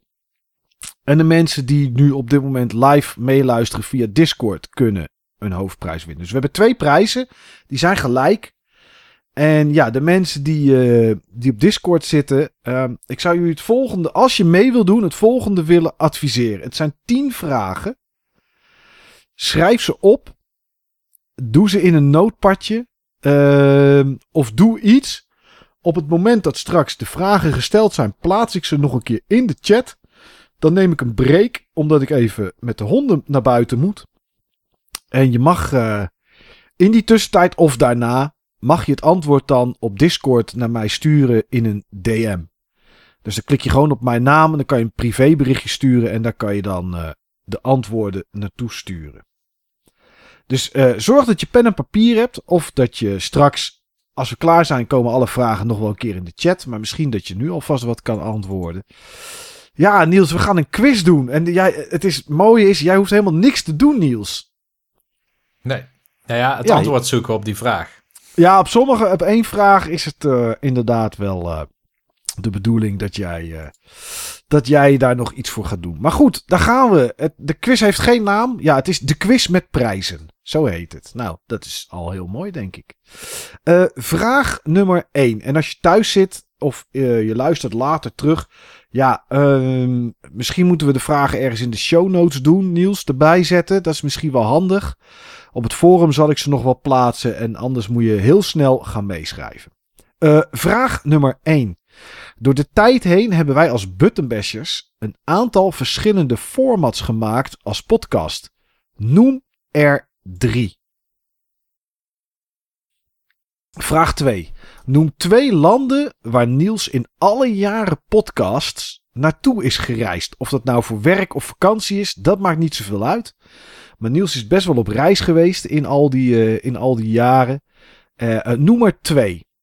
Als jij dat nu zou moeten beantwoorden, Niels, niet zeggen welke landen, hoeveel landen zou jij op kunnen noemen, denk je? Ehm, ik noemde er al twee deze podcast. Dus eh, die. Ja. En ehm, even denken. Ik denk dat ik zeker op 6 kom. Oké, oké. Nou, dan, eh, dan, dan moet dat voor mensen moet dat geen probleem zijn. Vraag nummer drie. Voor welk systeem was ik, Mike, ooit voornemens om een volledige set te gaan verzamelen? Ook dat is eigenlijk al een soort van langsgekomen, deze uitzending. Maar goed, ik, eh, ik eh, laat het voor de rest hierbij. Dus voor welk systeem was ik ooit voornemens om een volledige set te verzamelen? Een full set. Vraag nummer 4. Steve vertelde ooit in de podcast dat hij een mop voor de website mopvandedag.nl had doorgelaten met kerstmis. In deze mop ging het over een stuk fruit. Welk stuk fruit was dat? De Steve vertelde ooit over een, een anekdote over een mop die hij door had gelaten met kerst. En die mop ging over een stuk fruit. Welk stuk fruit was dat? Vraag nummer 5. Wie was de allereerste host van Buttonbashers? Oftewel, wie was de host in de pilot? Nou, dat is of gokken, want toen waren we met z'n drieën. Of je kan het heel snel nakijken. Maar uh, wie was de allereerste host? Vraag nummer 6. We zijn, uh, we zijn er redelijk. Uh, nou, het gaat er redelijk al doorheen eigenlijk. Vraag nummer 6. Dat is. Ja, bij benadering. Dus wie zit er het dichtst bij? Hoeveel uur podcast hebben wij gemaakt? Met deze uitzending meegerekend. En daarom is het bij benadering. Want we zitten er middenin. Geen idee hoe lang, hoe lang dit gaat worden, natuurlijk. Maar ja, bij benadering, hoeveel uur podcast hebben wij gemaakt? En dat is iets wat Niels natuurlijk. Uh, alleen butterbestjes of alles bij elkaar? Alles bij elkaar. Vraag 7. Naast gamen heeft Niels nog een aantal andere dingen die hij graag doet. Noem er twee. Welke twee andere dingen um, ja, doet Niels nog graag buiten, buiten gamen? En vraag 8 noem er ook twee van mij, van Mike. Welke twee andere dingen doe ik uh, nog graag naast gamen? Nou, we zijn er bijna. Nog twee vragen. En dat zijn vragen die zijn eigenlijk niet goed of fout. Maar ik ben wel heel benieuwd wat jullie als luisteraar. Um, ja, wat jullie hier gaan invullen. Of wat, uh, of wat je hiervan vindt. Vraag 9. Wat is de beste Buttonbashers podcast aflevering? En waarom? Dat is, uh, dat is vraag nummer 9. Wat is de beste Buttonbashers podcast aflevering en waarom? Niels, wat vind jij de beste podcast die wij gemaakt hebben in al die jaren? Welke aflevering? Um, ik denk die met Retro Game Freak. Oké. Okay. Oké, okay. en waarom die? Om vanwege de info en wat daaruit kwam? Of? Ja. Kijk, ja. normaal dan bereiden we een podcast voor en dan delen we die informatie. Maar nu zat er een externe bij die had zoveel te vertellen over een wereld waar ik weinig van wist. Dat vond ik wel heel erg leuk om mee te maken. Ja, ja, ja dat was zeker interessant. Ja. Ik zou het niet weten. Ik heb natuurlijk zelf ook over die vraag na zitten. Ik vond dat ook een hele leuke met Retro Game Freak. Um, maar ik, ik vond bijvoorbeeld die aflevering die we vrij in het begin hadden over arcadehallen. Uh, vond ik ook leuk, omdat het gewoon heel veel herinneringen dan zeg maar uh, naar boven haalt. Weet je, dat wekt heel veel herinneringen op. En ik denk dat dat wel favoriete afleveringen mm. van mij zijn. Ja, ja dat, is, uh, dat zijn ook wel, dat zijn ook wel, ook wel mooie. Goed, dat was vraag 9, maar ja, de, die kan dus voor mensen niet goed of fout zijn. En vraag 10 is, hoe zien de komende 10 jaar buttonbashers eruit? Hoe zien de komende 10 jaar buttonbashers eruit? En dan mag je podcast en forum mag je mengen en, uh, en door elkaar halen. Dat maakt allemaal niet zo heel veel uit. Maar uh, ja, hoe gaat dat eruit zien volgens jullie? Ja, dat zijn de vragen, Niels. Ja, jij wist ze al, want ik had ze al naar je doorgestuurd. ja. Maar goed, uh, mensen kunnen de vragen daar, daarna lezen. En um, aan het einde van deze aflevering, dan ga ik iemand uitkiezen die, uh, ja, die de prijs wint van de Discord-members.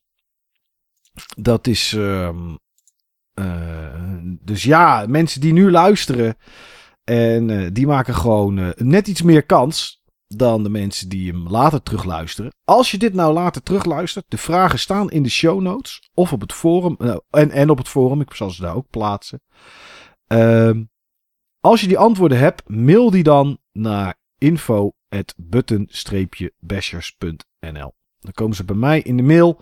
Dan ga ik ze beoordelen. En de volgende uitzending die wij doen. Geen idee wanneer het is. Maar eh, dan. eh, ja, dan, eh, dan zullen we daar iemand uitkiezen die, die ook een prijs gewonnen heeft. Dus ja, de mensen die er nu bij zijn. Nou, ik denk dat die nog een slordige anderhalf uur heeft. Denk ik. Zoiets.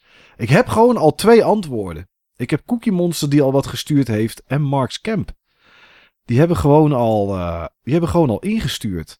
Dus dat is, eh, dat is mooi. Ik weet niet of de. Oh ja, die heeft ook echt. eh Cookie Monster heeft, heeft ingestuurd. En Marks Camp heeft Ja. ook ingestuurd. Nice. Wauw. Geen idee of ze goed zijn. Maar dat ga ik straks wel een keertje controleren. Dat, is, zien we dan vanzelf wel, eh, vanzelf wel gebeuren. Ja, Niels, dan is het tijd voor eh, een break. Wederom eigenlijk, maar dit keer een echte. Mhm. Want eh, ik moet echt eventjes met de honden gaan lopen.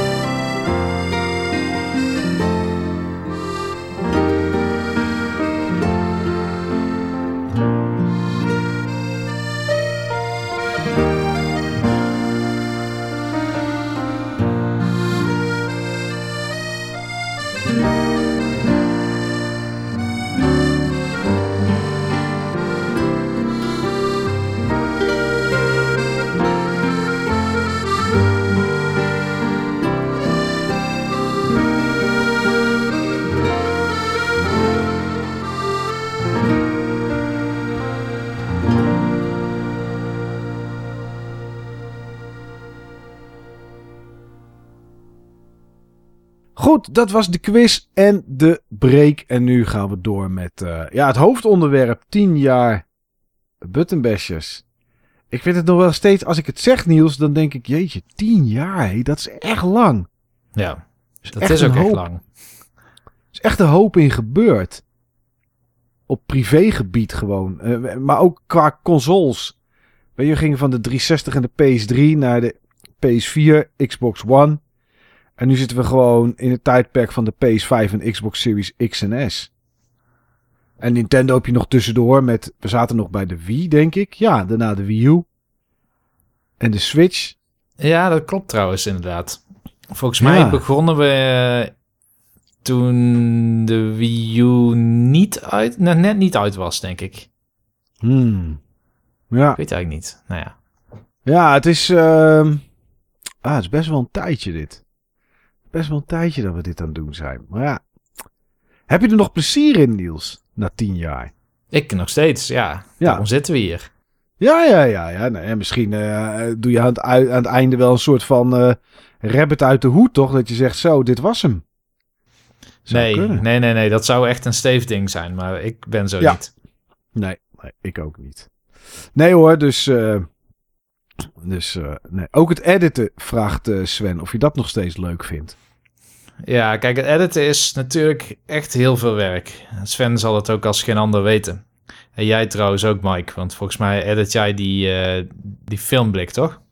Of ik edit... eh, nee, we, we doen alle twee. Editen alle twee een aflevering van de filmblik, dus die we zelf hosten. Maar ik heb natuurlijk ook in de coronatijd de BB Bulletins elke week geëdit. Ja, Ehm, en ja, dat, is, dat kost... Als een uitzending een half uur duurt, kost het editen soms een uur, zeg maar. Ja. Ja, kijk, de, we hebben een tijdje ook een plugin gebruikt. Eh, ik weet al niet meer hoe die heette. En die zou dan ook niet. de streams levelen. Dus dat betekent het geluid van ons gewoon op een acceptabele hoorbaarheid produceren.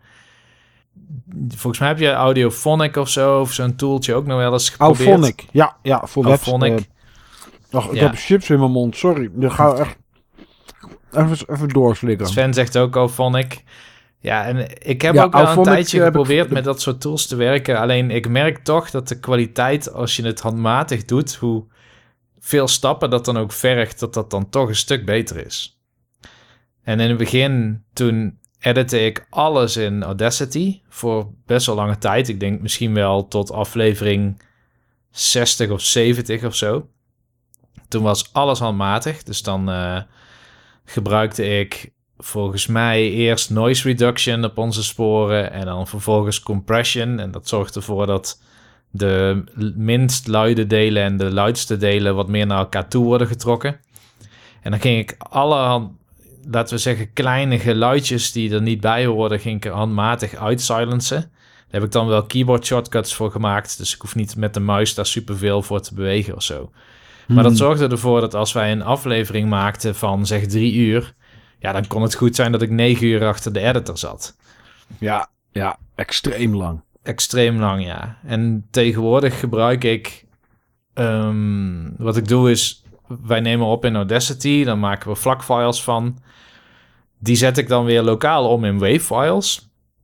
En die wavefiles die importeer ik in een programma dat heet Propellerhead Reason.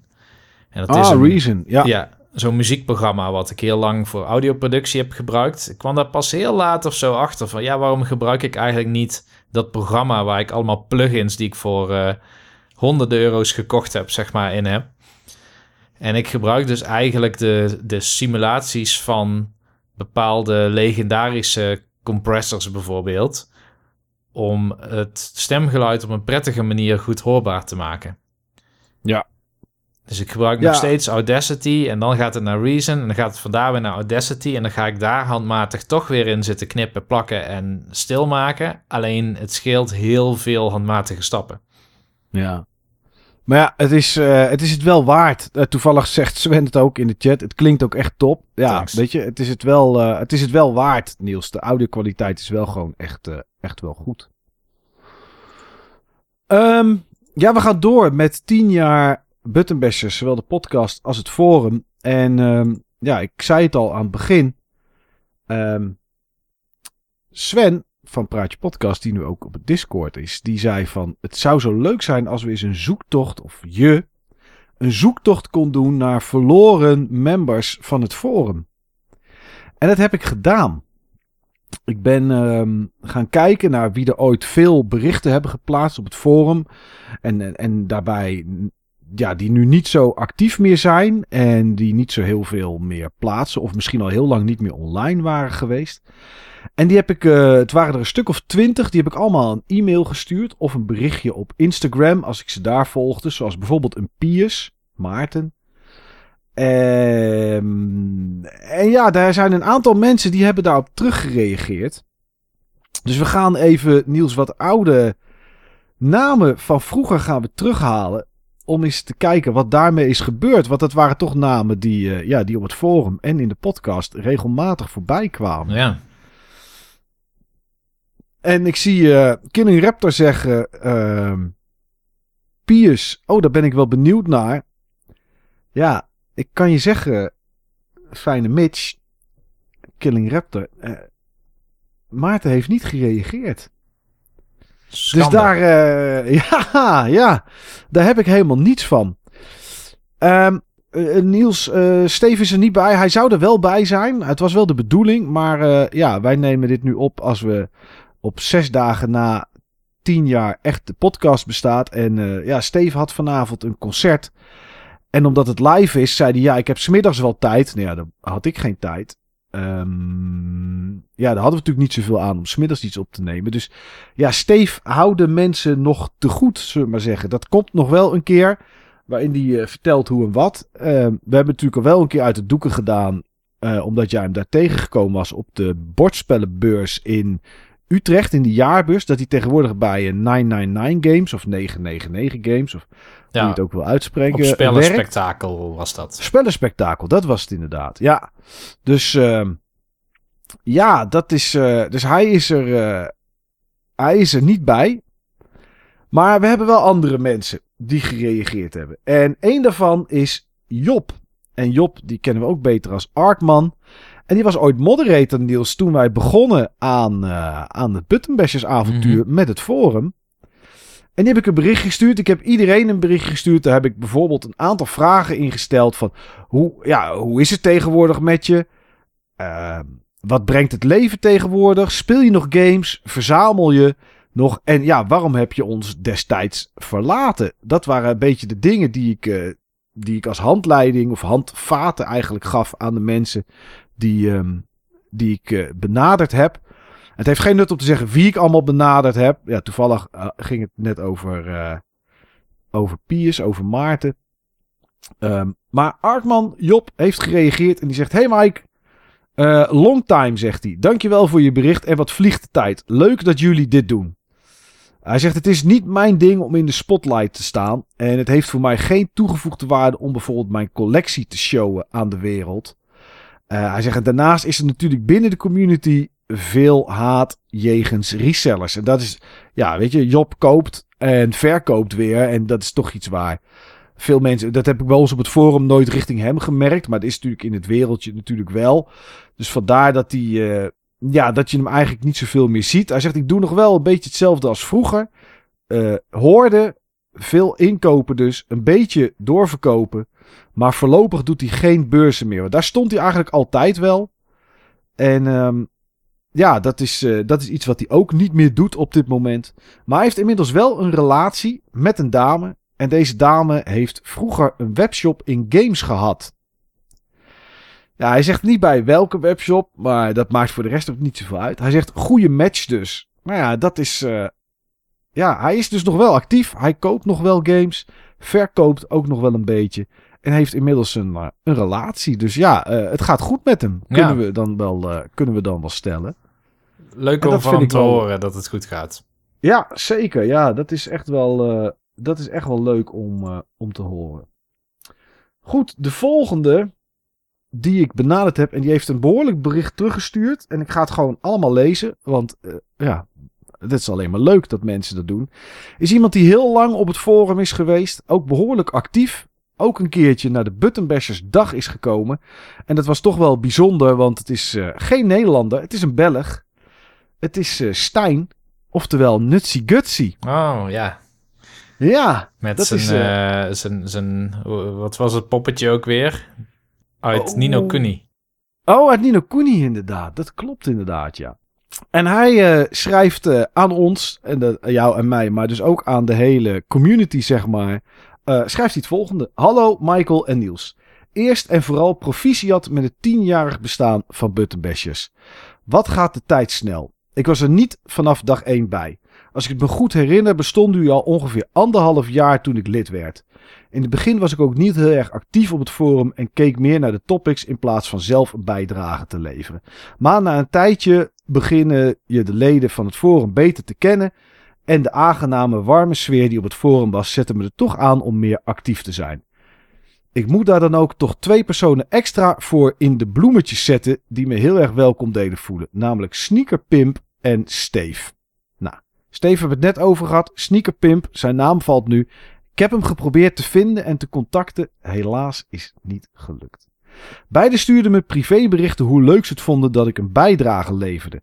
Een klein gebaar van hun kant uit dat voor mij een wereld van verschil maakte. En door de jaren heen heb ik enorme lieve mensen leren kennen via het forum. Een passie delen met anderen is altijd leuk, maar dat, maar dat doen met zo'n fantastische groep, dat creëert onvergetelijke herinneringen. Waarom heb ik jullie dan verlaten? Ja, dat, uh, daar was ik ook wel benieuwd naar. Gamen is al van kleins af aan een passie. Ik verzamelde vroeger niet, maar heb ook nooit mijn oude games verkocht of weggedaan. Ik bezit dus nog elke game die ik als kleine jongen speelde. Het is ook rond die tijd dat ik voor het eerst naar het forum kwam dat ik echt games begon te verzamelen. En sindsdien heb ik een mooie collectie opgebouwd. Maar een paar jaar geleden begon ik te merken dat het verzamelen misschien toch wat ongezond begon te worden. Niet enkel retro games, maar ook de hedendaagse games die me leuk leken werden gekocht. Prijzen van retro games zijn ook niet meer wat ze vroeger waren. En honderden euro's uitgeven aan één game, dat kan ik mezelf nog verantwoorden als ik daarnaast ook, oh, kan ik mezelf nog, nou, ik maak er niet van. Het is toch een taalbarrière, hè. Kan ik mezelf niet verantwoorden als ik daarnaast ook nog eens hedendaagse games bij de Fleet koop.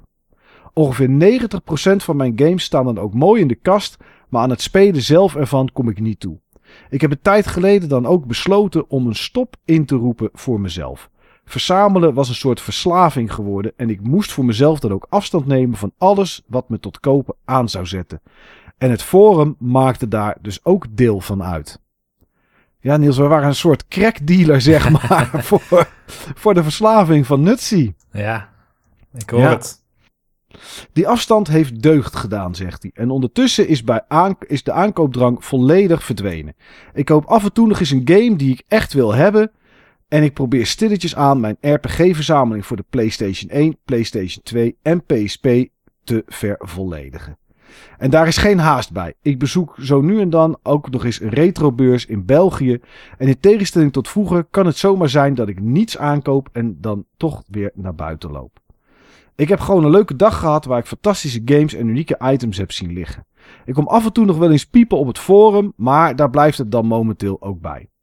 Voor de rest ben ik nog steeds een actief gamer. Buttonbashers leden die me toegevoegd hebben als vriend op PlayStation kunnen dat ook zien. En dat zag ik net ook staan, dat... Uh, uh, Killing Raptor dat ook zegt. Ja, inderdaad, hij speelt nog altijd RPG's, zie ik op de PlayStation 4. Ja, dat, is, dat zegt hij zelf ook. Dus dat, dat moet waar zijn. Momenteel speel ik bijvoorbeeld enorm veel Final Fantasy XIV en is het een van mijn favoriete lievelingsgames geworden. Gamen blijft voor mij een manier om even aan de realiteit te ontsnappen. Ik geniet enorm van het gamen en ik denk dat het altijd zo zal blijven. Het voordeel van minder te kopen is natuurlijk ook dat, geld, uh, dat er wat geld gespaard wordt. Mijn partner en ik zijn ongeveer twee jaar geleden voor het eerst naar het zuiden van Frankrijk geweest en helemaal verliefd geworden op de streek. We hebben nu dan ook de droom om later, als we met pensioen zijn, daar te gaan wonen. Dus elke euro die ik nu uitspaar, kan in onze ultieme droom gestoken worden. Misschien blijft het wel een droom, maar ik blijf liever in dromen geloven in plaats van een kamer vol games die stof staan te happen. En dat is het zo'n beetje hoe het ondertussen met me is. Ik wil jullie nog een mooie toekomst wensen met het Forum. Doe er zeker nog eens 10 jaar bij. Jullie hebben 10 jaar geleden iets unieks gecreëerd waar ik lange tijd de eer van heb gehad om daar deel van uit te mogen maken. Jullie forum zal me altijd nauw aan het hart liggen. Bedankt voor alles en misschien tot binnenkort. Nou, heel mooi bericht. Heel uitgebreid ook. Ja. En misschien tot binnenkort. Ja, hij kijkt dus toch af en toe. Dat wist ik, want dat kan ik natuurlijk wel zien. Maar ja, goed, weet je, omdat hij heel lang niks geplaatst had. Uh, iedereen klikt wel eens verkeerd. Hè, uh, komt dan misschien per ongeluk op het forum. Maar uh, ja, heel mooi bericht. Heel duidelijk en heel herkenbaar natuurlijk ook. Ik snap het ook wel. dus ja, maar ik, ik ben blij om te lezen dat hij inderdaad nog steeds... Weet je, hij heeft wel natuurlijk een, een, een beetje zijn collectie een beetje weggedaan. eh, maar nooit wat hij, wat hij zelf had. En ja, voor de rest is het eh, wat minder verzamelen. En dat is, eh, en dat is wel... Ja, dat is denk ik wel goed. Als je het op die manier doet. Ja. Ik zie in de chat, oké, Pala gaat zijn mandje opzoeken. Was gezellig. Eh, nee, we gaan niet vergeten op de Buttonbashersdag poll te reageren op het forum. Oké, Pala, dat komt goed. Ja, de volgende is ehm, ook een, is een korte bericht. Maar is ook een, ja, een naam die we in het beginjaren van de podcast heel veel hebben gehoord. En is het eentje waar jij zelfs ooit nog eens een soort MP3-mix van hebt gemaakt, Niels. Oh ja, En dat is Karen Ka- Gin. Chiron Gin. Ja, Chiron, Chiron. K- ja Chiron Gin. Eh, die zegt, yo Dynamite, dat is inderdaad wel even geleden zeg. Ik heb nog altijd een setje Pokémon vanuit het toernooitje van destijds. Heeft Steve dat ene MP3'tje nog? Chiron Gin. ja, dat is toch waar die eh, gelijk mee kwam. Laat ik je vragen even stuk voor stuk behandelen. Hoe is het nu met je? Top, zegt hij. Ik woon tegenwoordig in Utrecht en ben echt net verloofd. Dat is wel een mention waard, denk ik. Daarnaast werk ik in de IT in het IIM-gebied. De meesten moeten dat even googlen, maar het komt neer op wie mag wat, waar en waarom. Een soort security dus. Daarnaast doe ik tegenwoordig aan een wel heel erg vette sport.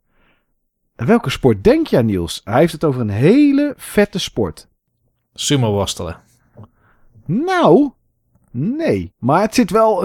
Het is wel. eh, nee, hij doet aan lightsaber fighting. Bij de Force Academy. Oftewel Star Wars eh, lightsaber vechten. Alright. Dat is eh, sport waar hij aan doet. Of ik nog games speel? Nou en of. Ik heb een heuse, heuse game room ingericht met allerlei verschillende consoles. Dus, eh, Benjamin, als je nog luistert, wie weet. Met name richt ik me nog altijd op de wat meer verhalende games. Daar hou ik nog steeds van. Recentelijk nog Mass Effect opnieuw doorgespeeld. Fantastisch. Mijn gamertag Chiron Gin kun je echt in heel veel games en platforms nog terugvinden. Mijn verzameling is wat meer specifiek geworden. Ik vind nog steeds echt veel te veel dingen heel erg tof. Wat ervoor zorgde dat ik echt een mix had van van alles. Tegenwoordig zijn het nog drie onderwerpen waar ik dingen voor verzamel. Star Wars, Final Fantasy 7 en Harry Potter. En dan de vraag: waarom heb je ons eigenlijk verlaten? Dat is een beetje geleidelijk gegaan eigenlijk. Ik denk dat het rond het moment gebeurd is dat ik een lange tijd op Sint Maarten heb gewoond. Het leven daar is dusdanig anders, waardoor je heel veel minder tijd besteedt aan elke vorm van een beeldscherm. En daar groeide ik in mee. Dus ja, dat is Chiron Jin Ramon, die ook eindigt met MTFB W Griekse I A. May the force be with you always. Dus ja, Chiron Jin. Ook een naam uit het, eh, uit het verleden. Ja, gaaf.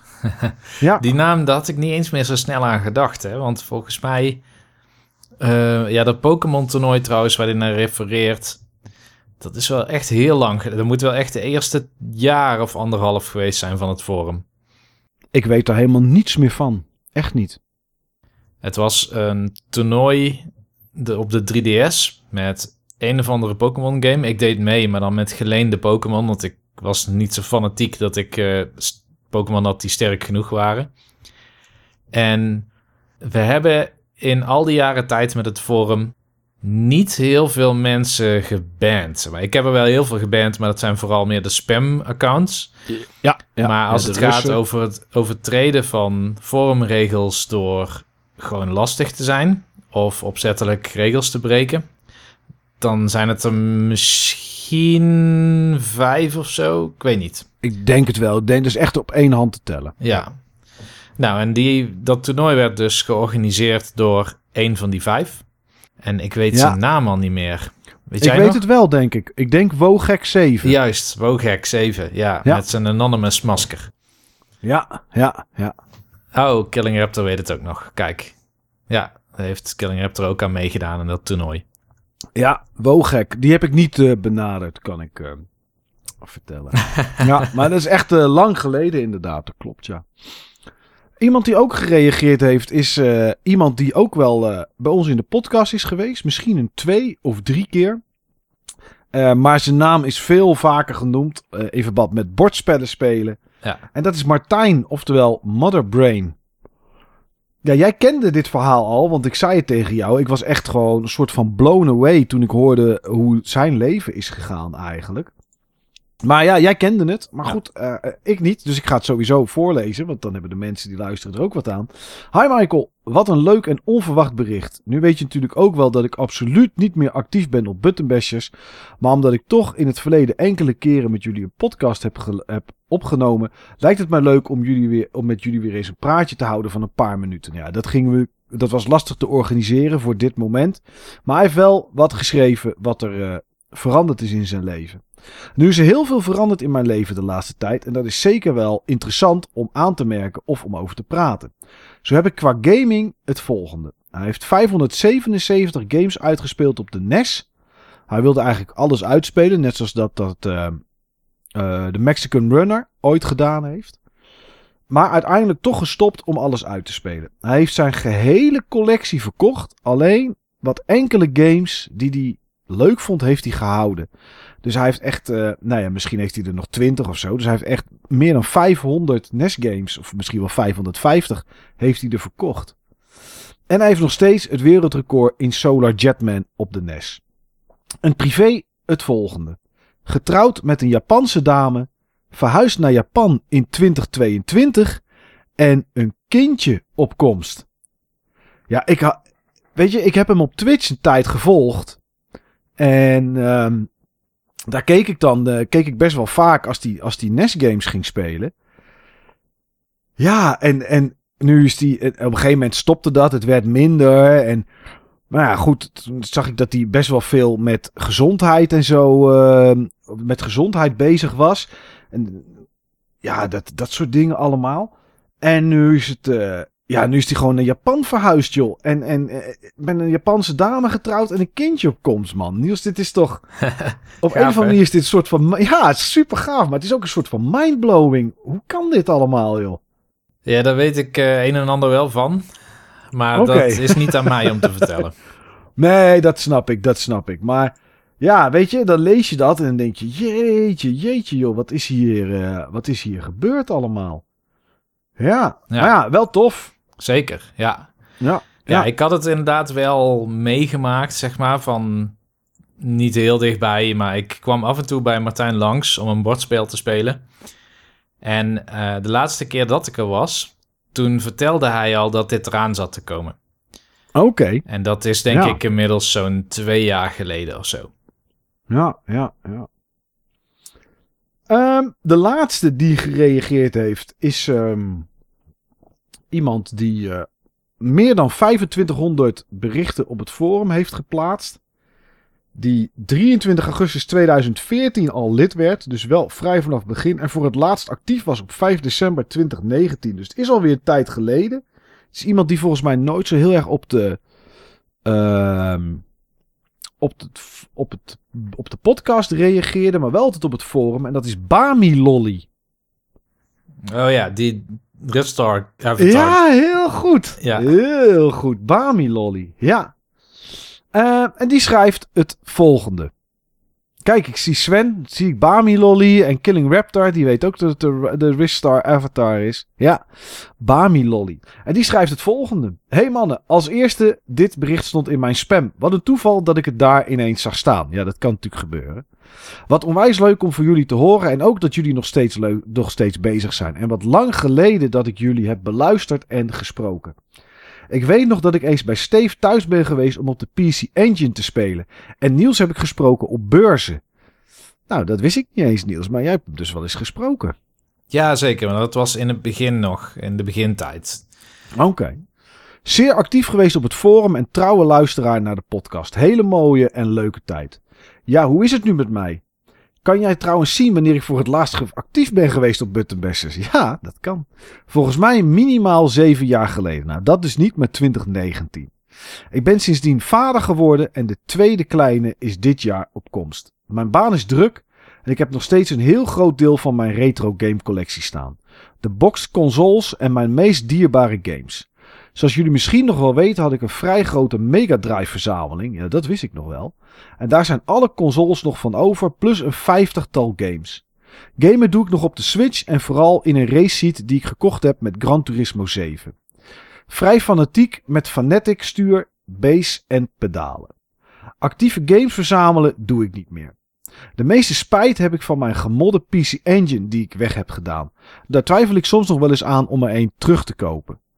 Meeste van mijn collectie heb ik bewaard om aan mijn zoontje en straks dochter mee te laten gamen. Dat vind ik wel heel mooi. Dat hij dat daarvoor bewaart. Een hele goede reden waarom ik jullie verlaten heb, is er niet. Het leven is gewoon gebeurd. Relatie ging uit, ik ben verhuisd, wat gezondheidsissues gehad, interesses zijn veranderd.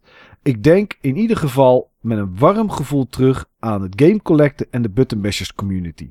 En veel van de games heb ik dus nog steeds. Ze staan op mijn werkkamer en ik kijk met plezier naar de dozen, de cards enzovoort. Wil je mij een link sturen van de 10-jarige special podcast als deze er is? Nou, bij deze, dat is gebeurd. Ehm, ik vind het leuk om dat nog eens te beluisteren. Groeten aan Niels en vooral ook aan Steve. Uh, met Steve heb ik destijds altijd veel contact gehad. Die, die, ja. ik, die ga ik eruit editen. Maar ik moest eventjes groeten aan Niels en vooral ook aan Steve. Maar de, de, de reden dat ik uh, in de lach schoot was eigenlijk om, omdat jij niet wordt genoemd. oh, ja, nee, maar hij... Ja, maar het komt wel van Michael van Buttonbashers. Dus misschien, misschien is het ook wel aan mij. Maar hij zegt tegen mij dat ik de groeten aan Niels moet doen. Dus ja, weet je, ik krijg ze ook wel hoor, denk ik. Maar nee, ja. Dat denk ik ook wel. Dat denk ik de ook De groeten zijn aangekomen. Ja. ja, zeker. Ja, ja, ja, Dolby Visual zegt ook, hij schrijft het aan jou, hè. Ja. Ja, dit zijn de vijf mensen, Niels, die uh, gereageerd hebben. Heb ik er nog meer contact? Zeker. Ik heb bijvoorbeeld om, uh, ik zei net, ik ga die namen niet noemen, maar het zijn toch, is toch leuk om eventjes wat namen uh, te noemen eigenlijk. Sneaker Pimp heb ik al genoemd. Die had ik ge geprobeerd te contacten. Geurtes. Die is 1 november 2022 nog wel op het forum geweest. Maar helaas, die, daar heb ik, heb ik eigenlijk niks van teruggehoord. Dennis met een uitroepteken. Dat is die heb ik laatst nog wel op een beurs gezien. Daar ging het goed mee, kan ik vertellen. Dat is niet iets wat hij zelf heeft verteld. Wat hij zelf aan ons heeft verteld. Maar daar gaat het voor de rest wel goed mee, weet ik. Heeft ook een tijdje, tijdje wat gezondheid dingen en zo gehad. Maar dat is allemaal wel weer rechtgetrokken. Rookworst 88 hebben we al een tijdje niks meer van gezien. Dus daar had ik eigenlijk had ik ook een berichtje naar gestuurd. Aapje. jeetje, wie nog meer? Uh, Chiron Gin hebben we dan gehad. Nou ja, zo zijn er nog een, uh, zijn er nog een aantal die ik, uh, die ik contact heb. In de hoop dat ze, dat ze iets, gingen, iets gingen laten horen. Marth Dal heb ik ook gecontact. Jotio heb ik gecontact. Maar helaas allemaal mensen hmm. die ik. ja, die, die niet gereageerd hebben. en dat is ook prima natuurlijk. Ja, dat is ook voor de rest oké. Maar goed, ja, ik vond dit wel leuk om te doen. Om in de hoop dat je toch iets binnenkrijgt. En nou ja, dat gebeurde natuurlijk wel. En dan Hannanas trouwens heb ik ook geprobeerd te contacten. Maar hmm. helaas, 2017 was die voor het laatste. Hannanas, die zie ik wel eens op Facebook nog. Oh, echt waar, ja? Ja, is heel erg veranderd ook. Oké, ja, ik heb hem niet op Facebook. Dus weet je, dat is dan. maar ja, goed. Wie weet komen er ooit nog eens mensen die, uh, die wel gaan, uh, die nog gaan reageren. En mocht dat zo zijn, dan, uh, dan zullen we dat in de gewone podcast, zullen we ze nog wel, nog wel meenemen. Ja, Niels, we hadden tijdens ehm, de quiz die we er net deden, vraag 9, wat is de beste Butterbashers aflevering en waarom? Maar ja, ook voor onszelf eigenlijk zoiets, zeg maar, ongeveer, om en nabij. Ja, wat zijn onze meest memorabele momenten van 10 jaar Buttonbashers podcast en forum? Nou, zal ik met uh, eentje openen dan? Ja, begin jij met eentje, dan kan ik even een slokje nemen en even een chipje eten. Want het is tenslotte feest. Ja, nou, een memorabel moment vond ik de BB-dag die tijdens corona werd gehouden. Dus die we online hebben gedaan met Team Fortress en dat, dat knikkerspel, dat wazige knip, knikkerspel. Ja. Want dit vond ik Ja. eigenlijk best wel nice, zoals dat toen ging. Ja, hier moet even geëdit worden. hoor. Het is nu echt je bent het eten. Ja, het was voor mij voor het eerst dat ik met veel mensen Team Fortress 2 speelde. Dus dat had ik daarvoor eigenlijk nog nooit gedaan ehm, met, met bekende mensen... waar je dan ook tegen kan praten. Wel eens online, maar, Ja. maar niet op deze manier. Mhm. Ehm, ja, en we hadden gewoon de grootste lol met al die dingetjes die we daarbij hebben, eromheen hebben gedaan. Het was gewoon... Ja. Eh, het was niet zo leuk misschien als een Awesome Space dag of een Hall of Game dag of een eh, Bonami Museum dag waar we ook wel eens zijn geweest. Klopt. Maar Ja. het was wel heel memorabel. Nou, dat is het zeker wel. Wat, eh, wat er vooral leuk aan was, is dat het voor iedereen een lage instap was om mee te doen, waar je ook woonde. Het enige wat je moest doen was zorgen dat je die avond kon. En dat was natuurlijk wel leuk. Maar hebben inderdaad Team Fortress gespeeld. We hebben, eh, we hebben geknikkerd voor prijzen. Ehm, we hebben die andere van die, eh, van die game collectie, waar deel 3, 4 en 5 en weet ik veel wat van is. Ik weet even niet meer hoe dat heet. Jack in the Box. Ja, heel Jackbox, goed, Mark. Jackbox. Ja, Jackbox. Ja, Jackbox. Ja, ja, Jackbox hebben we wat dingetjes uitgedaan. Ja, en ik geloof dat we rond een uur of zeven of zo, of acht begonnen. En echt dat het een uur of twaalf, waren, eh, twaalf was dat het, eh, dat het klaar was inderdaad. Ja, Killing Raptor zegt, ik herinner me nog dat er plots twee gasten bijkwamen in Team Fortress die veel te goed waren voor ons. Ja, ja dat klopt inderdaad. Ja.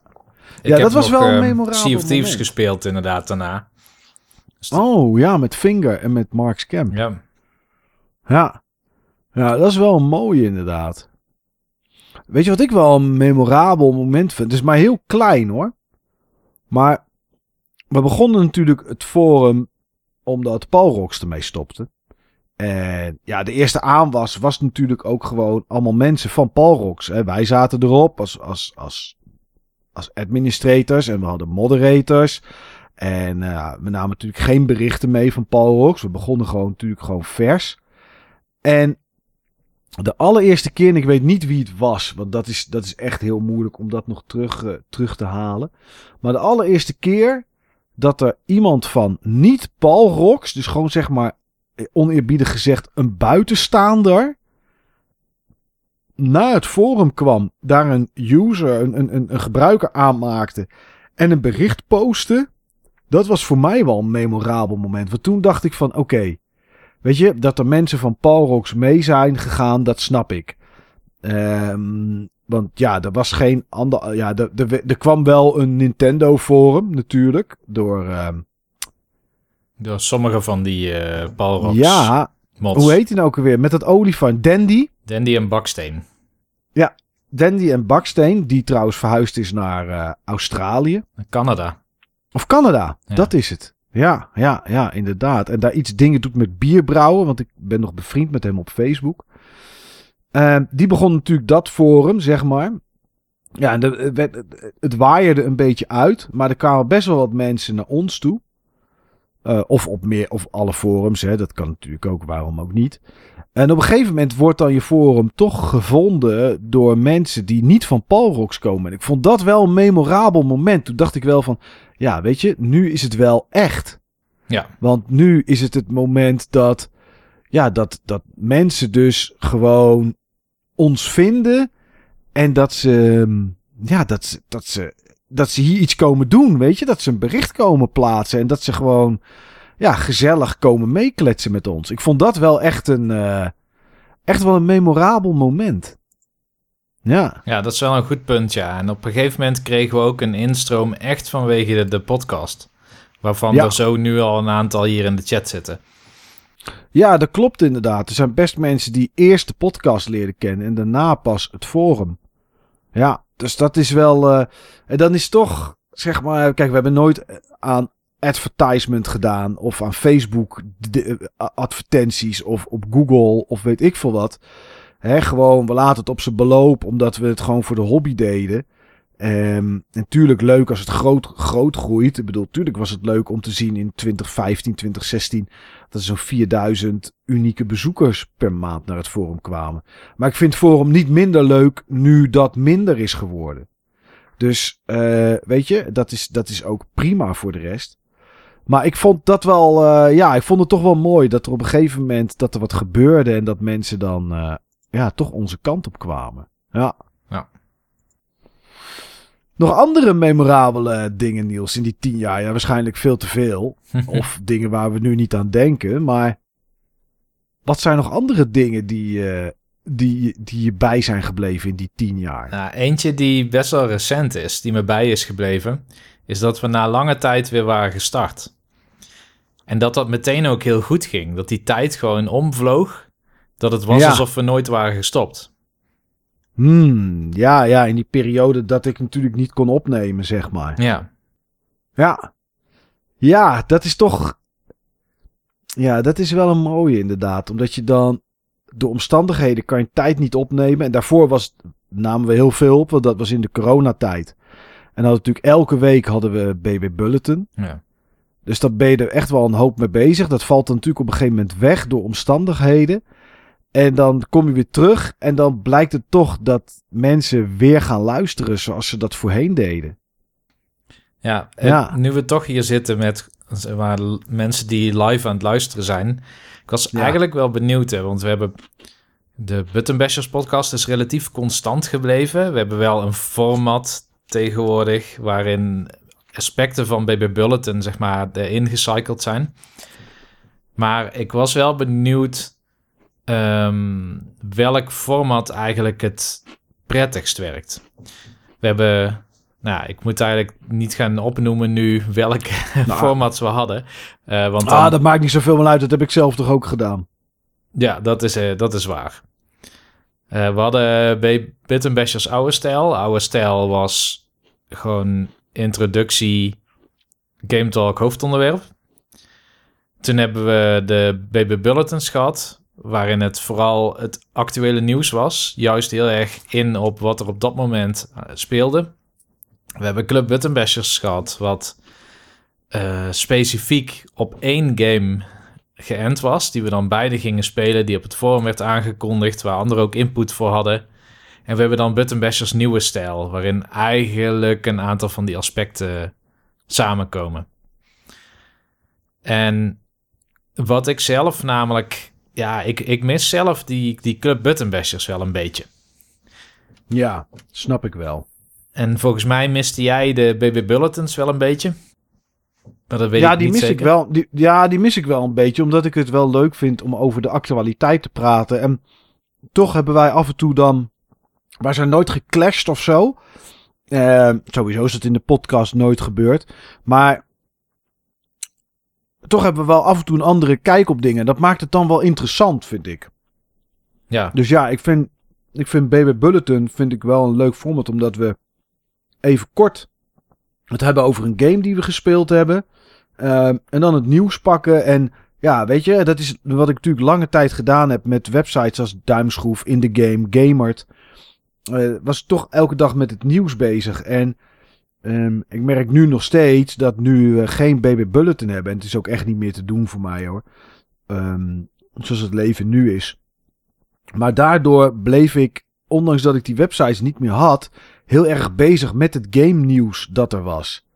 En dat, eh, dat is nu wat minder. Ik volg het nog steeds en ik zie nog bijna alles wel, maar ik zat er toen iets meer bovenop.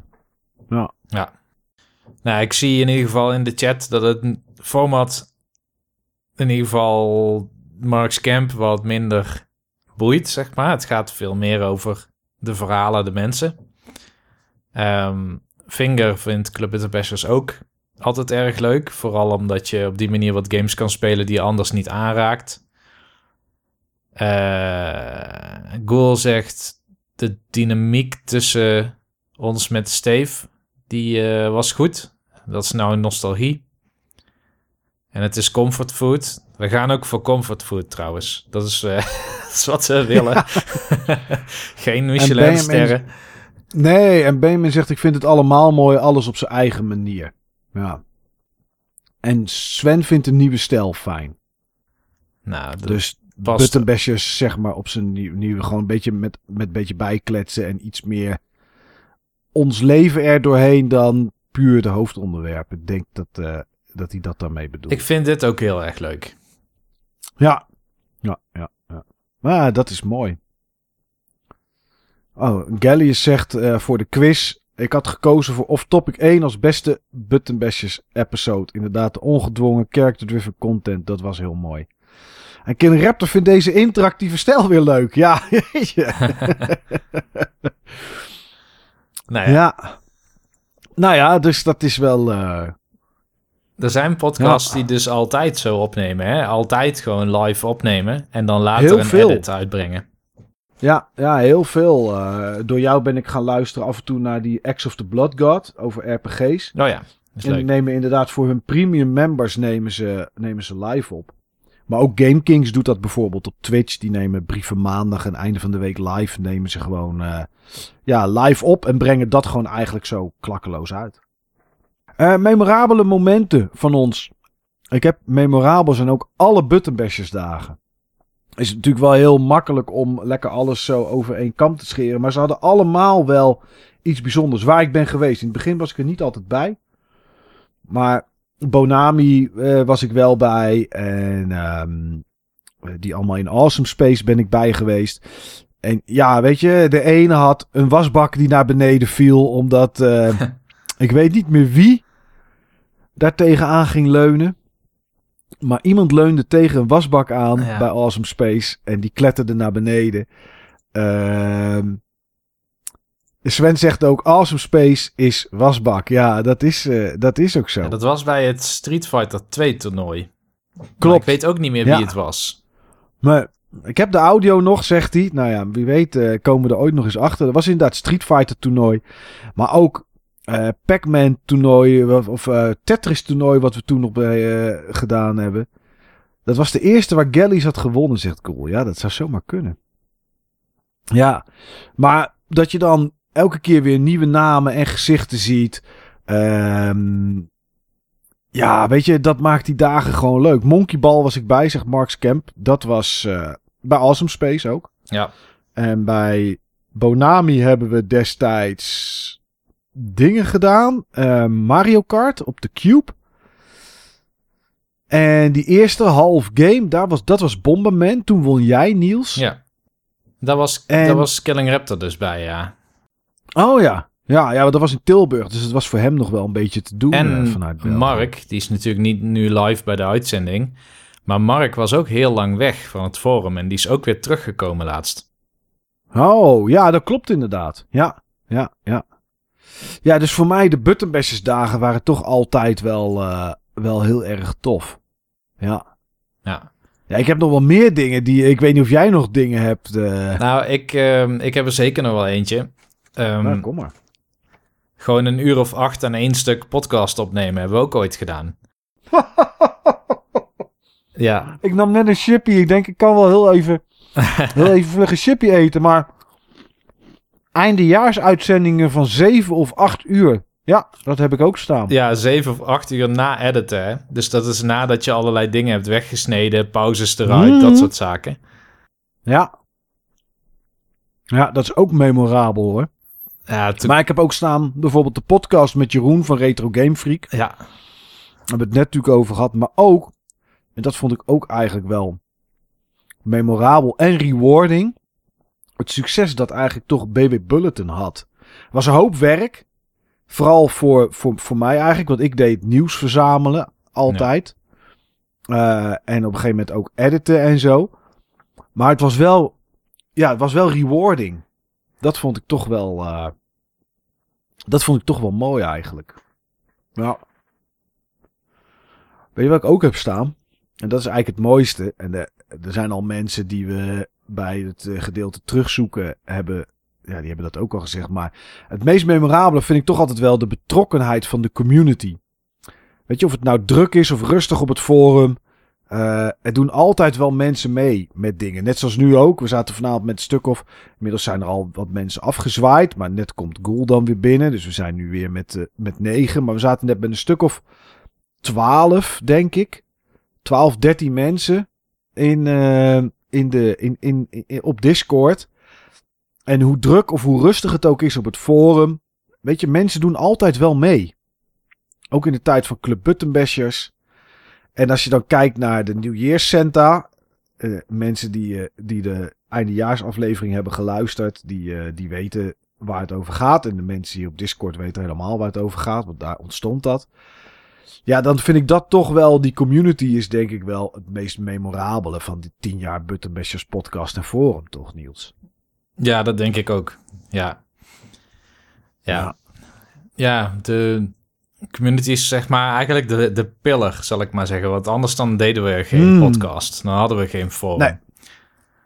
Nee, dat is zo. Ja. En wat Ja. Killing Raptor al zegt, hè, wat de community voor elkaar doet. Gewoon. In de afgelopen jaren hebben we toch keer op keer gezien... dat als iemand het even moeilijk heeft... dan staan er allerlei mensen klaar. Ja. Ja, dat is ook zo. Ja. ja, dat is altijd wel zo. Ja, dat is mooi. Weet je wat ik ook leuk vond in die tien jaar? Dat we bijvoorbeeld ook op beurzen hebben gestaan met het forum. Ehm, is dat... Ja, dat Ja. ben ik al vergeten, joh. Ja, wij hebben twee keer volgens mij op eh, Tilburg gestaan. Eh, Reda heeft daar, die heb ik trouwens ook gecontact. Als, als we het hebben over een naam uit het verleden en die eh, hoop betekend heeft voor het forum. Ja. En de community. Maar ook geen, helaas geen reactie. Nog niet. Misschien komt dat nog. Maar ehm, die heeft toen een keer met goud gespoten NES en een nog een, misschien een Mega Drive of zo, gestaan op de retrobeurs in Tilburg. Toen kregen we van Silvan dat schilderij van ons drie. Geen idee waar dat gebleven is. Ik denk bij Jur. Ehm, ja, maar dat was niet van Sylvan, toch? Volgens mij was Silvan die het gemaakt had. Nee, dat was... Ik ben zijn naam kwijt. Ehm, dat is die, die vriend van Steve die ook in Gouda woonde. Oh, eh, dat was toch Silvan? Nee, die heet anders. Ehm, Echt? ja, Volgens waarom, mij ben ik nog bevriend. waarom kom ik daar nou niet op? Ja, dat kan, dat kan ik niet beantwoorden, kerel. David. David inderdaad, ja. Dat klopt inderdaad, ja. David. Ja, daar kregen we toen dat schilderij van. Ja, Ja. Dus dat hebben we ook nog gedaan op beurzen om, eh, ja, om, om een soort mensen te werven. we hebben... Of was dat misschien die beurs met die gouden cartridge? Want we hebben ook ooit... Ik bedoel, daar kunnen we het nu makkelijk over hebben, want dat gaan we echt niet meer doen. Maar we hadden ook ooit het idee om een soort quest voor beurzen te maken. Waarop je ehm NES-cards met een Buttonbashers logo kon kopen. Oh, ja. en daar zou dan iets speciaals op staan. Ja, oh, dat weet ik ook niet meer. Maar dat, daar hebben we het wel eens over met stickertjes. En het zouden we met Job regelen en met Dennis en weet ik wat allemaal. Mensen die op het forum zaten. Jeetje zeg, dat is echt de begintijd geweest, Niels. Ja, dat is lang geleden. Dat was inderdaad toen de podcast nog niet zo groot was. Nee. En eh, dat was dan om reuring te creëren. Dat iedereen dacht, wat is dit dan voor kaart? Ik kom die kaart overal tegen. En dan was die heel Ja. goedkoop. En dan wil je hem misschien toch kopen om te kijken wat het dan is. Ja, dat Ja. was ook wel een leuke stunt. Oh, nou, dat zou ik zo nog wel eens kunnen doen, hè? Geen idee wat we dan in die kaart moeten doen, maar... Hm. Ja, dat is misschien nog wel eens een idee om eens een keer iets mee te doen, Niels. Ja, nou, daar komt er waarschijnlijk nooit van. Maar nu klinkt het wel echt heel leuk. Ja. Ja, Oh ja. ja, ja. Iets wat ik vergeten was, maar daar komt uh, Gallius nu mee. Die ehm, BB-meeting bij het Pinbalmuseum. In Rotterdam. Ja, Ja, ja, daar ben ik niet bij geweest toen. Ik kon toen niet. En daar baal ik wel van, want daardoor ben ik nog nooit in het Pinbalmuseum geweest. Ja, jeetje. Ja, daar was ik niet bij. Hoeveel mensen... Er waren een mens of twintig, denk ik wel, hè, of zo. Ja, het was best wel goed bezocht toen. Ja, Ja, maar ik ben niet ja. zo'n kenner, weet je wel. Dus ik ga dan gewoon maar wat staan pinballen. Pinbal Ja, was maar- voor mij echt iets wat volgens mijn ouders gewoon gokken was. Wat ook wel een beetje klopt. Dus dat mocht ik nooit proberen. Dus ik heb als Oh, kind ja. nooit pinbal gedaan. Hmm. Ik zag laatst dat er weer een nieuwe documentaire was over eh, hoe pinbal gered is. Want het was natuurlijk in Amerika op een gegeven moment verboden. Omdat het inderdaad een gokspelachtig iets was. En toen was pinbal eigenlijk gewoon een bal afschieten en het dan naar beneden laten vallen. Hè. Er zaten er nog geen flippers aan. Ze was nog geen spel. Zo begon pinball. Hm. Ja, ja, ja, dat is, eh, ja, jeetje. Ja, tien jaar. Ik vond het moeilijk wel hoor. Ik heb die vraag zelf bedacht. Memorabele momenten. Maar ja, er zijn er zoveel. Weet je, de allereerste keer een podcast die meer dan duizend keer beluisterd werd bijvoorbeeld. Ja, dat zijn ook memorabele momenten. Dat, dat, dat je dat behaald hebt. Ja.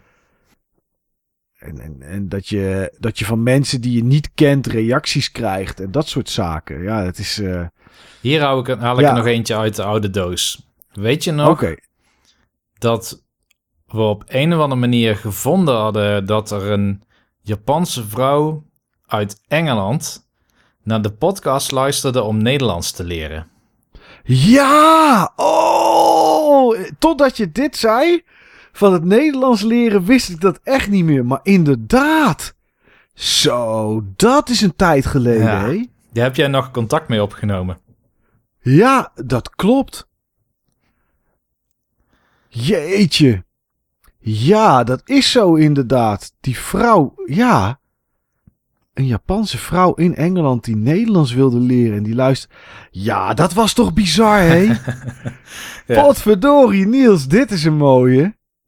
Zo. Ja, oh. dat zijn van die rare spillover effects of zo die je nooit van tevoren kan bedenken. Nee. Nee, zeker niet. Nee, is hetzelfde als, ehm als Ari. Dat is ook een luisteraar. Die niet op het forum zit, maar luistert wel altijd naar de podcast. Heeft ook wel eens gereageerd. En die reageerde toen een keertje ehm, op, eh, op een aflevering. Want hij heeft ook een podcast. Volgens mij heet het Wonen in Noorwegen Ja, of zo. Klopt. Een Nederlander inderdaad. En ehm, ja, dat is dan ook heel raar hoe dat loopt. Want dat is... Nou, die podcast is Bianca. Is de, is mijn vrouw die overleden is, zeg maar. Nou, niet zeg maar, is gewoon zo. Maar voor de mensen die dat, eh, die dat even niet scherp hebben. Ehm, die is toen in contact ook gekomen met de vrouw van die Ari. En toen Bianca overleed, kreeg ik van die vrouw van Ari... Terwijl die vrouw niet naar onze podcast luisterde. Die heeft toen ook nog, eh, heeft toen ook nog mij een berichtje gestuurd. En dan is het toch apart hoe klein de wereld is. En hoe dat dan toch door de podcast, zeg maar, allemaal aan elkaar gekoppeld Ja. is. Ja. Ja. Ja, jeetje, die vrouw zeg, hé, dat is een mooie Niels. Man, ja, die wilde Nederlands leren en die luisterde dan naar ons. Hoe zou dat er... Ja, ik, ik weet echt niet meer hoe ik contact had met die vrouw toen. Misschien dat ze gemaild had of zo. Nou, Dat is dan op zeker weg. Maar jeetje, dat is wel... eh, hoe zou het daarmee zijn? Hoe zou het met haar... Nee, misschien luistert ze nog. Ze zou naar Nederland migreren, toch? Dus ze zal inmiddels wel hier ergens wonen. Ja, als dat allemaal doorgegaan is wel. Ja, jeetje zeg hé. Oh, dat is de mooiste, omdat ik die vergeten was dan natuurlijk. Is dat echt wel een mooie. Ja, ja. Hey Niels, we hebben door de tijd heen hebben we wel eens gasten gehad. We hebben eh Mother Brain die we net hadden gehad. Eh Jur, Joker Jur, die nu al op het forum af en toe nog wel eens is. We hebben eh, Gallius, die nu in de chat zit. Op Discord hebben we wel eens gehad in een, eh, in een uitzending. Eh, Retro Game Freak hebben we gehad. Eh, we hebben Emiel van Kampen gehad. We hebben De Mail gehad. Ja, finally. Ja, eindelijk was die er een keer.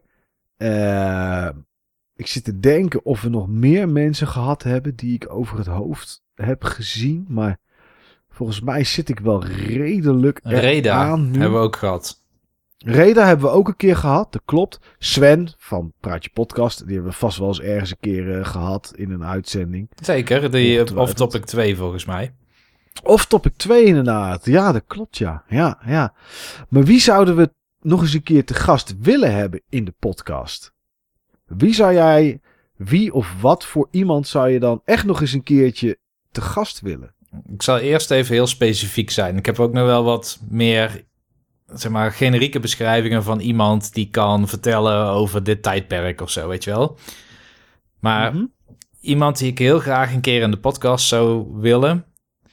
Ehm, en eh, ik denk niet dat je die kent, maar dat is iemand met wie ik bijna elk jaar wel een keer werk en een keer ehm, heb leren kennen toen hij nog assistant professor van Oxford University was, is Joost Vervoort.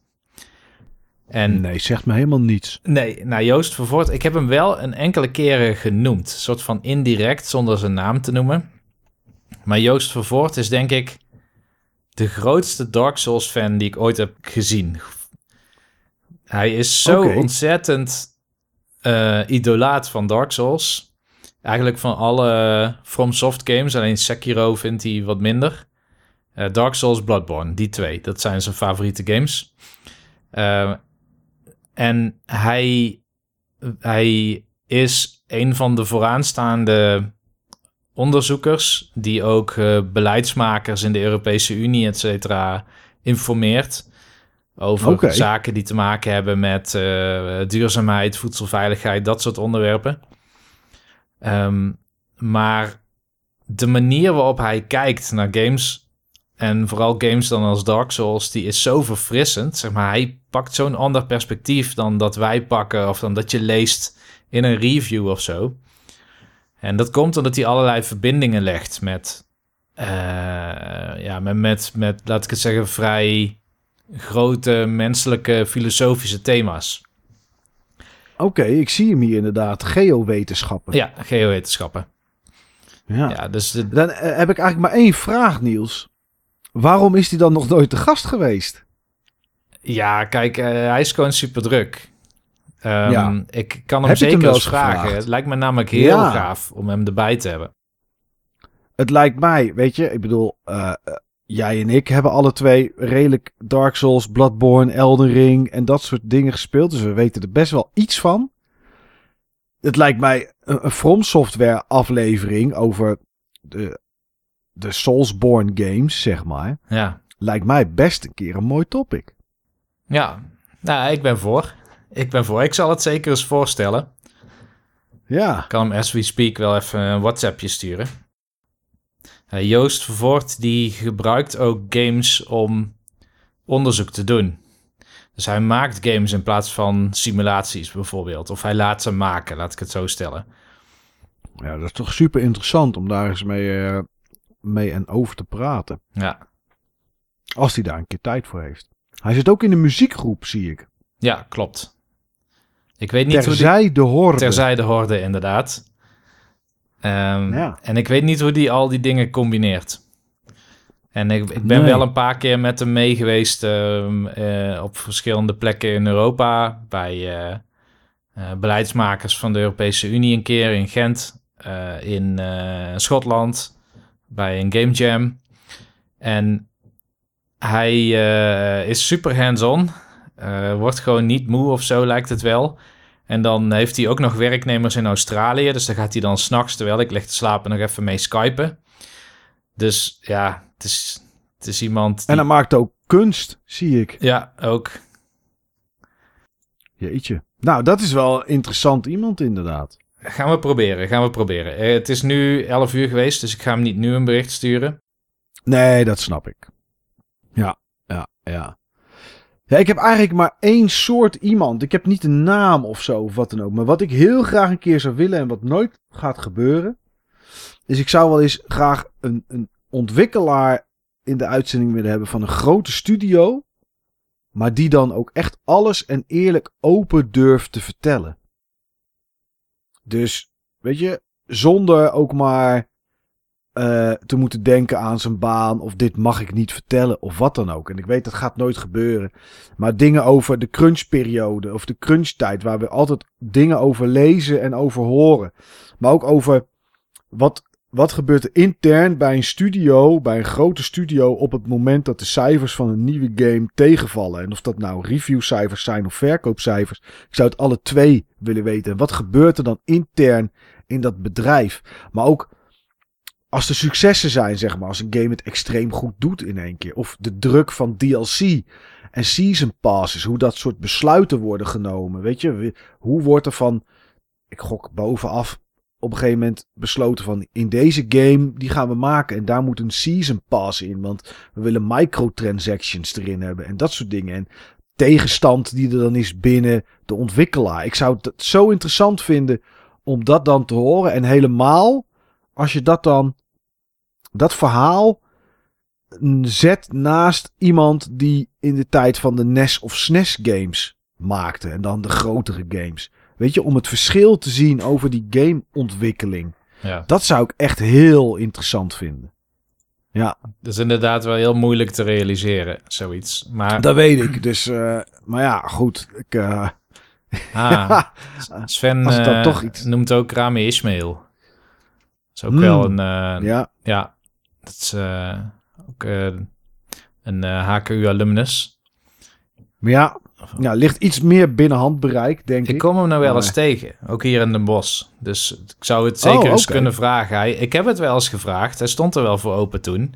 Maar dat is echt jaren geleden en ja, dat kwam er eigenlijk nooit echt van. Nee. Maar ja, goed, weet je, misschien goals voor de komende tien jaar. Ja, ik eh, even een eh, lijstje maken mensen die ik moet contacteren. hij, eh, hij zit ook wel eens in een podcast trouwens. Dus Oké, ja, ik weet niet. Doet hij nog wel iets maken? Ook nog? nee, ja, hij is eigenlijk de, de ambassadeur van de wereldwijde gamesindustrie. Dus Ja. ehm, wat zijn rol is in de gamesindustrie is zorgen dat ook ehm, mensen in eh, landen waar het heel moeilijk is om games te kunnen maken, toch de mogelijkheid krijgen om bijvoorbeeld naar GDC te komen of om hun games op een platform te verko- verkopen of in ieder geval te vertonen. Dus hij is meer ervoor om ehm, meer gelijke kansen zeg maar in de gamesindustrie te creëren.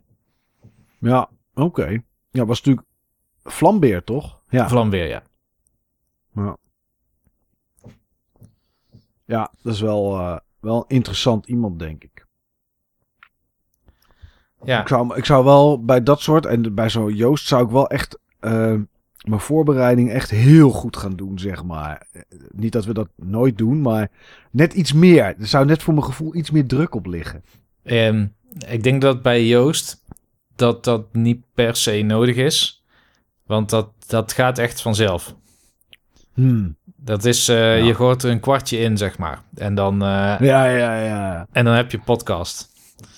Nou, als lullen pudding is, dan is Joost Dr. Oetker. Zo een beetje. Ja. Ja, ja. En ehm, ja, een, een naam die we al een keer in de podcast hebben gehad, maar van, waarvan ik persoonlijk denk van dat we dat weer een andere keer weer moeten doen, is toch de mail. Want Oké, eh, ja. ja, die, die kan ook een, een mening hebben. En daar kun je het soms niet mee eens zijn, maar hij kan het gewoon echt goed onderbouwen. Ja, Karel. Ja, dan zouden we eens een keer een mooi onderwerp, eh, onderwerp voor moeten vinden. Om hem weer eens terug te vragen. Ja. Ja. Ja. Ik zou wel kunnen. ja, is- Ik bedoel, ik ken op zich. Ja, dat is lastig. Je had het net over eh, grote bedrijven en hoe het daar gaat. Maar dan heb je Ja. meestal wel iemand nodig die meer in een director-rol zit. Nou, die kunnen we echt niet vragen om iets te vertellen over, eh, over crunch. over crunch of zo. Nee. Eh, Rami Nee, zou dat wel nee, kunnen, dat- denk ik. Ja, die zou het wel weten hoe dat werkt in, dit, in die industrie. Ja. Ja, Oh, ja. Koekenbekker eh, linkje zie ik voorbij komen. Die ligt op mijn bureau, dat boek. Met eh, de Vlamberg Game Art van Koekenbekker. Oké. Oh. Nou goed, ehm, Oh, heb jij nog namen? Ja. Nee, eigenlijk heb ik voor de rest niks. Namen vind ik, vind ik heel lastig. Maar ik, eh, ja, qua onderwerpen zou ik dat. Ik heb eigenlijk gewoon één gekozen. Ik dacht van ja, dit, dat zou ik echt heel interessant vinden. Ja, tuurlijk. Weet je, er zijn, er zijn genoeg onderwerpen die we nog eens zouden willen doen. En ik vind een gast in de podcast zo af en toe best leuk. Dus ehm, ja, as we see fit, zeg maar. Maar dit is echt iets, ja, dat zou ik nog wel eens willen. Ik heb, weet je, ik, ben voor de rest een beetje uit die, eh, ja, tuurlijk, eh, weet ik veel, een Phil Spencer of zo. zo iemand lijkt me natuurlijk geweldig, maar weet je, je weet ook, en dat zie je nu wel een klein beetje aan wat er gaande is met Sony en Microsoft, zeggen ook niet altijd helemaal de waarheid. En dan heb ik er niet zoveel aan. Snap je wat ik bedoel? Ik zou wel mensen, als er dan iemand is, wel iemand die gewoon de waarheid vertelt en niet een, marketingpraatje heeft. Dus vandaar dat hè, zo'n ontwikkelaar van een groot studio al, die alles eerlijk en open durft te vertellen, weet ik ook dat dat er gewoon niet van komt. Ja. Nou, wat, Dus ja. eh, wat, wat ik ook nog wel leuke mensen zou vinden, maar dat is echt niet te doen. Of ja, laten we zo zeggen, dat zijn pipe dreams. Ja. Ehm, David Jeffy zou ik een toffe vinden. Ja, dat zou heel tof zijn. Van de oude God of War games en Twisted Metal. Dat is ook iemand die, eh, ja, die, die weet gewoon niet van censuur en van zichzelf inhouden. Nee, nee. En die heeft natuurlijk nu op YouTube, doet hij zeg maar eh, filmpjes maken. En eh, ja, hij kan het ook wel goed onderbouwen altijd. Ja. Ja. Ik zag laatst, hij was ergens op aan het reageren of zo. En eh, toen deed hij ook een live sessie met, met kijkers. En het grappige is, ik vind het al wel grappig, hij valt gewoon zijn eigen publiek aan. Ja hoor, als die vindt dat die onzin zeggen, eh, de onzin, hoor mij nou, onzin zeggen, of, eh, of wat dan ook, dan, eh, ja, dan, dan pakt hij dat gewoon aan. En zegt hij, eh, wat je hier zegt klopt helemaal niet, of gaat helemaal nergens Ik over. vond het heel mooi laatst toen ehm, hij vertelde namelijk dat ehm, hij, hij wordt een beetje moe, zeg maar, van de, de spanning tussen Sony en Microsoft rondom het wel of niet kunnen overnemen van Activision Blizzard. Hij zegt Ja. van ja, weet je, voor, voor mij zijn de, de indie games veel belangrijker. Dat, daar vindt hij veel meer vernieuwing in eh, plaatsvinden. Ja. En dat, dat, dat snap ik, dat punt. En dan geven mensen aan bijvoorbeeld... nee, ik speel alleen maar ehm AAA, first party games of zo. En dan zegt Ja. en, eh, want ik ben een hardcore gamer. En dan had hij een heel mooi argument. Hij zei nou, stel dat jij een filmliefhebber was... en jij kijkt alleen maar Marvel films... vind je jezelf dan een hardcore filmliefhebber? En Hmm. dan zeggen mensen heel snel nee. Terwijl als ze mensen vastzitten in één genre of één ontwikkelaar of zo, dan, dan zien ze zichzelf vaak als, als een hardcore. Ja, ja. Ja, dat is wel een goeie. Daar kan je niet omheen, om zo'n argument. Ja. Ja, ja, ja, is een mooie vent, Jeffy. Jeffy, eh, wie ik ook heel mooi vent vind, nou, ik zie ook Chris, John Carmack genoemd worden. Daar ben ik het helemaal mee eens. Daar kon ik ook heel lang naar luisteren toen die vroeger altijd op Quake kon aan een gamerpubliek uit te leggen hoe die de schaduwen van Doom 3 precies heeft geoptimaliseerd of zo, weet je wel. Dus dat waren van die hele Mhm. mooie sessies. en hij blijft gewoon op een krukje zitten en vertellen. Ehm, maar wie ook heel tof is, is eh, Jonathan Blow van The Witness. Ja, Die heeft ook Ja. echt gewoon standpunten. En eh, deze is misschien wat vreemd, maar Rod Humble. Rod Humble is, ehm, of was in ieder geval bij Maxis het hoofd van The Sims. oké. En ja. hij is daar nu weg. Hij is nu bij een ander bedrijf. En toevallig werd afgelopen week een soort The Sims aangekondigd, maar dan niet van Maxis. Maar Jonathan Blow is denk ik de... Nee, sorry. eh, Rod Humble is denk ik de enige die vanuit zijn eigen ervaring bij grote studio's toch best wel open zou zijn over crunch en hoe hij daarover denkt. Hmm. Ja. Ja, nou ja, op, op dat, op dat vlak zou ik dan ook eh, dingen wel interessant vinden. Eh, Tim Schafer. Ja, Over de, over de mooie tijd met de, met de Lucas Arts Adventures en, eh, en dat soort dingen. En wat hij nu doet en hoe hij nu naar dingen kijkt. ja. Ja, dat zou ook wel een interessant figuur zijn om, eh, om, om, om een keertje in je podcast te hebben. Ja, om een Ja. wagonnetje aan te haken. Ik zei al van ik heb ook wel een thema, maar dan heb ik geen naam daarbij. Maar dat zou een Tim Schafer kunnen zijn. Of ehm, ben ik zijn naam even vergeten, die samen met Tim werkte aan The Monkey Island. Oh, eh, Maar dan eerder dan ja, Tim. Tim kwam wat later bij Ja. het team. Ja, die was er bij twee bij. Wie bedoelt die kerel die nu ook... eh, Ron. Ja, Ron Gilbert. Ron Gilbert inderdaad. Want ja, wat, ik, Sven zegt Ron in de chat en dan weet ik in één keer... Oh ja, Ron Gilbert, ja. wat ik ook nog wel interessant zou vinden, want daar hebben we het in de podcast nooit echt over gehad. Misschien omdat we alle... Misschien omdat ik er iets meer mee had dan Steven en jij. Maar dat weet ik niet zeker. Maar de begin jaren 90 PC-games. Eh, mag ook Amiga-games zijn. Maar begin jaren 90 is een soort van timeframe waar we ons zelden op hebben gefocust. Het is altijd Hmm. net daarna. Ik bedoel, LucasArts vindt wel plaats in dat timeframe. Ja. Mhm. Ehm, maar we hebben daar ook heel veel gemist. Oh, dat denk ik ook wel. Terwijl, jeetje, is dat, dan komen we in de tijd van, poeh, noem eens wat uit die tijd. Eh, Ehm, de Commander Keen 4, 5 en 6. oh ja, echt dat tijdperk inderdaad. Wolf 3D. Ja. Dat zou ook kunnen inderdaad, wat je nu ziet. Eh, Doom valt er ook nog steeds binnen.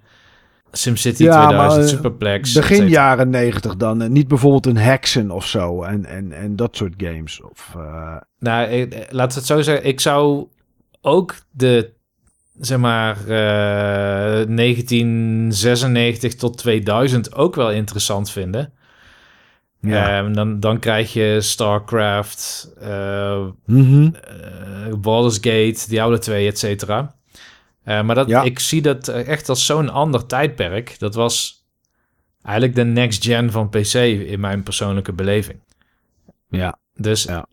ja, ik- maar ik, ik denk gewoon die, die, die MS-DOS Amiga scene die zo'n beetje startte eind jaren 80 en tot Ja. half jaar, jaren 90 doorging, dat vind ik echt een prachtig stukje geschiedenis. Hmm. Nou, moest kijken hoe we daar, eh, hoe we daar vorm aan kunnen geven. Cool is het eens. Dat moeten we doen. Ja. ja, ja, ja, daar moeten we het doen.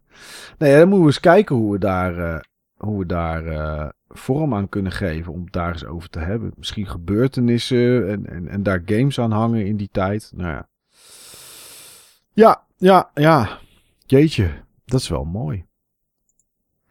Ehm, ja, Niels. Hoe. eh, en daarna hebben we nog één onderwerp. Dat zijn eh, twee audioberichten. En misschien nog wat vragen van, van mensen die aan het luisteren zijn op dit moment. En natuurlijk een winnaar van de prijsvraag die we begin hebben gedaan. Hoe zien wij over tien jaar de podcast en het forum? Eh, ja, goede vraag. Ehm, Dank je. Deze had ik graag willen voorbereiden, maar daar kom ik gewoon niet aan toe afgelopen week. Oké, zal, ik, zal ik eens roepen wat ik denk? Graag. En eh, misschien heb je er wat aan. Ja, het is misschien niet leuk om te zeggen, maar over tien jaar is denk ik het forum dood. En niet dat het niet meer online staat, want dat kan ik zo lang in de lucht houden als ik wil. Maar ik denk dat het zo ver dan over tien jaar, en als ik kijk wat het nu in tien jaar gedaan heeft, eh, en ik denk dat het alleen nog maar verder gaat, dat het afzakt. Dan denk ik dat het gewoon puur voor archief er nog is. En ik denk als Discord er nog is, want op Discord daar zitten wij nu en daar zitten best wel wat leden van het forum die ja, gewoon door de dag heen een beetje kletsen. Ehm, daar kan je ook forums op aanmaken. En dat is nu nog behoorlijk basis. Ik heb dat wel eens getest. Niet om over te gaan, maar gewoon puur om te kijken.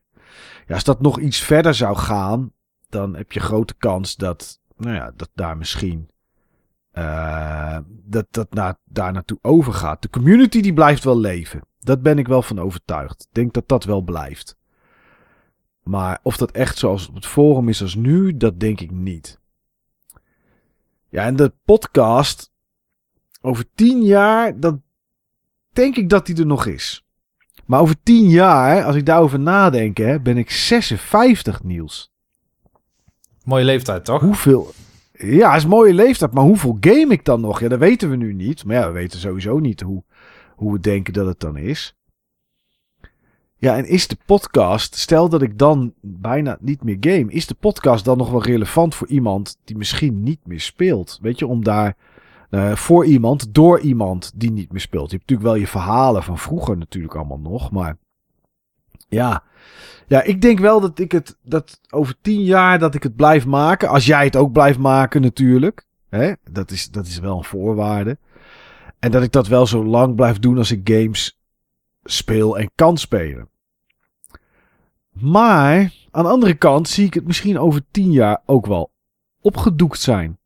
De podcast. En niet omdat we uitgepraat zijn of zo. Dat dan, dat dan niet. Maar dat er bij een van ons twee iets in het leven komt waardoor het maken van de podcast gewoon niet meer, niet meer lukt. Het zou natuurlijk zomaar kunnen gebeuren. Ja. Dus ik, ik hinkel daar echt op twee gedachten. En ik denk niet, waar wij het ooit een keer over gehad hebben, waar wij het alle twee wel in konden vinden, maar Steve niet. Ehm, dat iemand anders de Buttonbashers podcast zou overnemen. Daar hebben we het wel eens over gehad, hè? Dat andere stemmen de Buttonbashers podcast zouden gaan doen. Dat vond jij helemaal prima. Ja. En, ehm, en ik ook eigenlijk wel. Steve niet, die vond dat niks. Dat zie ik niet meer gebeuren. Ik denk niet dat dat ooit, dat dat ooit gaat. Uh, nee, dat dat ooit gaat plaatsvinden. Maar met, de, met het forum ben ik bijna wel zeker dat dat de nou, non-existing is over tien jaar. De, misschien komt er iets heel anders voor. Wat dan, wat dan Fora vervangt. Misschien is Discord. Maar misschien is Discord over tien jaar ook wel niks meer. Want ik bedoel, drie jaar geleden was Discord ook niet wat het nu is. Dus er is ergens nog wel een plek waar de community bij elkaar komt. Of kan komen, maar het is niet het forum. En de podcast, dat is, dat, daar hink ik echt op twee gedachten. Ja. Of wel of niet. En dat weet wel, daar heb je niks aan als je vraagt hoe denk je. Maar dat zijn de twee wegen, zeg maar, die in mijn hoofd zich dan, uh, dan afspelen. Ja. Ja, dat gehoord hebbende. Um, ik had al wel een gedachtegang over het forum en de podcast. Um, het forum kun je dan vinden op uh, archive.org. nou ja, kijk, het, het forum het is meer dan alleen de website. Hè. Het forum draait elke keer op technologie die misschien vier jaar houdbaar is. Dus het lastige is ook, op een gegeven moment, je moet iets met, uh, met zo'n forum. Daar zitten we nu eigenlijk alweer aan. Ja. De versie van het forum draait op, uh, het is technisch, maar draait op PHP 7.2. Dat is eigenlijk end of life. Eigenlijk moet je naar 8, want dat is wat het nu is. En um, ja, versie 8, daar draait de versie van uh, de software van het forum niet mee. Nou kunnen we dat updaten. Alleen het thema wat wij over het forum heen hebben, dat werkt weer niet op de nieuwere versies van uh, de forum software. Dus dan moeten we weer naar een nieuw design. En de kans is als je een nieuw design kiest en over drie jaar moet je weer van PHP-versie, dat is onderliggend, is voor de rest niet zo interessant, maar moet je weer naar een nieuwe versie. Heb je kans dat, dat die stijl die je gekozen hebt voor het uiterlijk van het forum, ja, dat die ook niet meer mee verhuist naar weer een nieuwere versie. Dus of we moeten een keer zeggen, we gaan naar de blanke, kale, niet zo mooie versie van de forum software, dan zitten we voor altijd goed. Of we moeten gewoon weer een nieuw thema. En eh, ja, misschien moeten we over een jaar of vier, vijf dan weer een nieuw thema. Dus ja. Dat is, uh, dat is qua technologie van het forum is dat wel een ding. Ja. ja, en toch zoiets als het forum is gewoon heel handig. Het is ook wel fijn om te weten dat Discord ook zeg maar forum functionaliteit omvat. Want Discord, uh, nou, ik zit heel weinig in de Discord-server. Zoals mensen wel weten die nu hier op Discord aan het luisteren zijn en aan het reageren zijn. Dat heeft ermee te mhm. maken dat ik in idioot veel servers zit. Dus als iemand iets zegt of reageert, ik zie het echt niet. En ik ga het ook niet zoeken als er ergens een getalletje staat, omdat ik ben gementiond.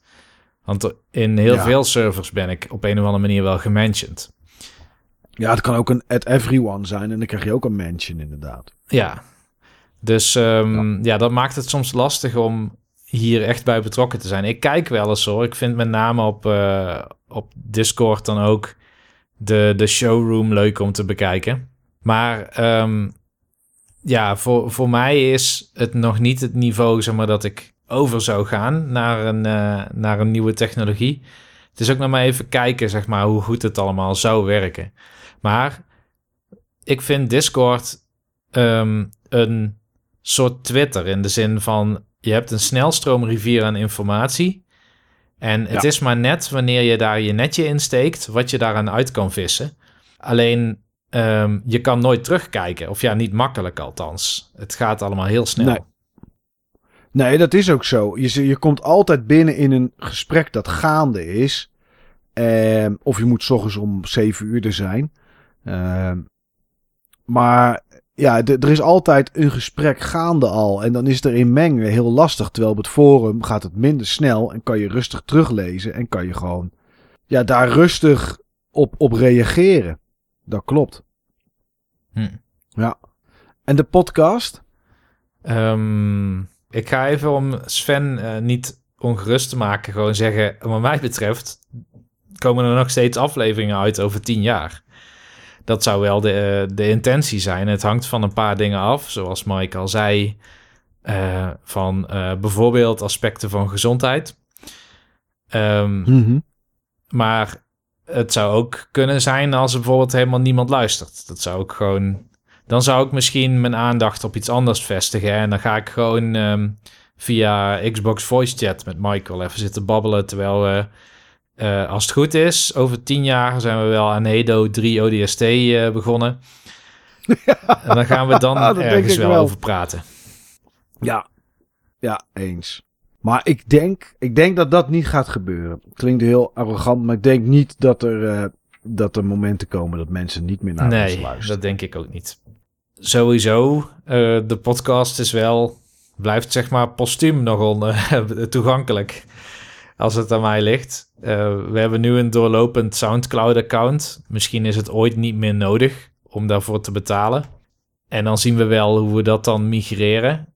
Ehm, Ja, maar maar ja, het zou wel leuk zijn als alle backcatalog gewoon nog bewaard blijft en altijd toegankelijk blijft.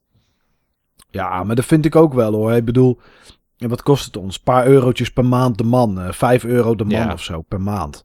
Maar dat eh, heb ik er met liefde voor over. Ik bedoel, eh, is hetzelfde als het forum laten draaien. Dat kost ook eh, nou, een- een handje tientjes per jaar.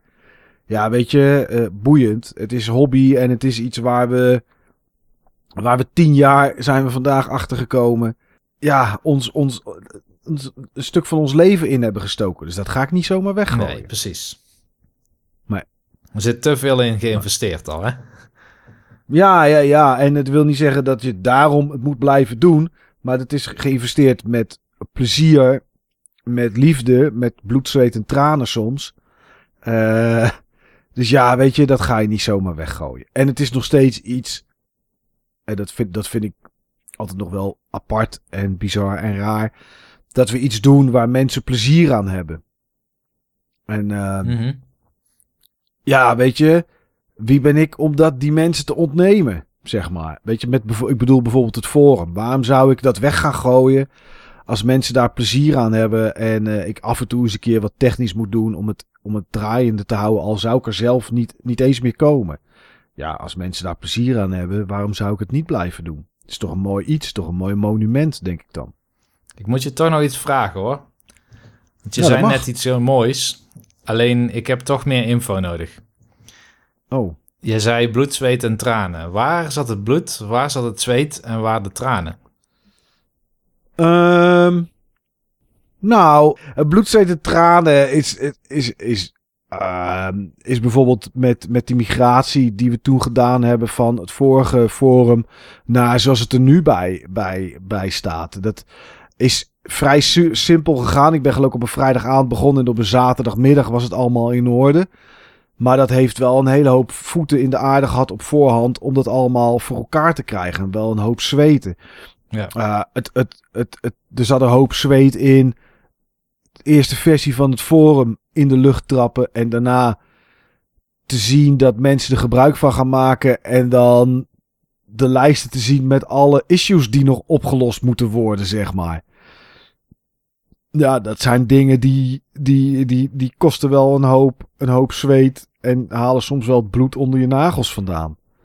En tranen, ja, eh, onlangs nog, toen er op een of andere manier iets raars gebeurde op de server. En we een ochtend berichten kwijt waren. Was niet extreem erg. Ja, Dennis, oldschool, die had een eh, behoorlijk bericht geplaatst. En eh, in zijn soort dagboek wat hij dan kwijt was. Ja, dat zijn dan wel eventjes eh, even tranen. Dat ik denk, shit, we moeten een backup terugzetten. Maar dat is ook wel het mooie van de server. Ik bedoel, die maakt drie of vier keer per dag een backup. En daar kunnen we gewoon naartoe terug. Een, een aantal weken en soms maanden terug. Dus eh, ja, weet je, inmiddels is het qua technisch is dat allemaal alweer eh, op die manier opgelost. Maar ik weet dat zodra de server waar het nu op draait zegt van die PHP-versie, dus die onderliggende taal, eh, waar het forum nu op draait, over een maand is die weg. Ja, dan komen, kom, komt het bloed en de zweet komt wel weer naar voren. Want dan moet ik wel in één keer gaan upgraden. En dan moeten we het gaan testen en krijgen we een ander thema. Ja, dat zijn wel dingen die, eh, Ja. die, die daarbij komen. En nou ja, naar de podcast kijkende. Ja, daar is ook wel eens het bloed onder de nagels vandaan gehaald. Als we bijvoorbeeld probeerden af te spreken met z'n drieën en dat niet lukte. Ja. Ja, dat heeft wel eens bloed onder de nagels. eh, bloed onder de nagels vandaan gehaald, inderdaad, ja. Ja. Dus ja, dat zijn wel, eh, dat zijn wel momenten. En ja, dat heb je altijd met elke hobby of elk ding dat je doet. Heb je wel eens van die tegenvallende dingen. En eh, nou, die horen er gewoon bij. Dus ja, dat denk Ja. ik. Niels denkt dat dat het meest eerlijke antwoord is. Ja.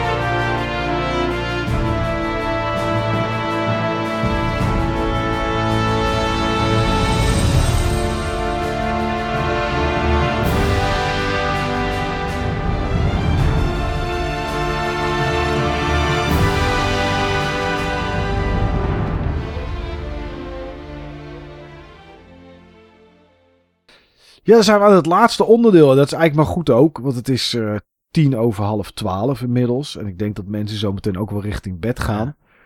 Eh, vragen of audioberichten van, eh, van mensen. En dat, nou, we hebben er niet superveel. We hebben een vraag gehad van Marks Kemp op het forum. En dat was een hele simpele vraag. En die vraag is. Vraag voor Mike en Niels. Hebben jullie wel eens een game gekocht wat het toch niet bleek te zijn? En wat het dan niet bleek te zijn. Ik weet niet of hij nu bedoelt.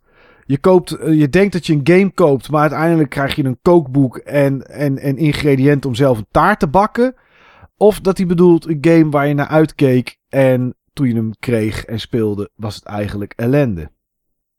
Hij zegt, Mitch speelt de demo van Bayonetta Origins niet. Nee, dat klopt. Dat, dat Killing Raptor is dat. Die speelt dat niet.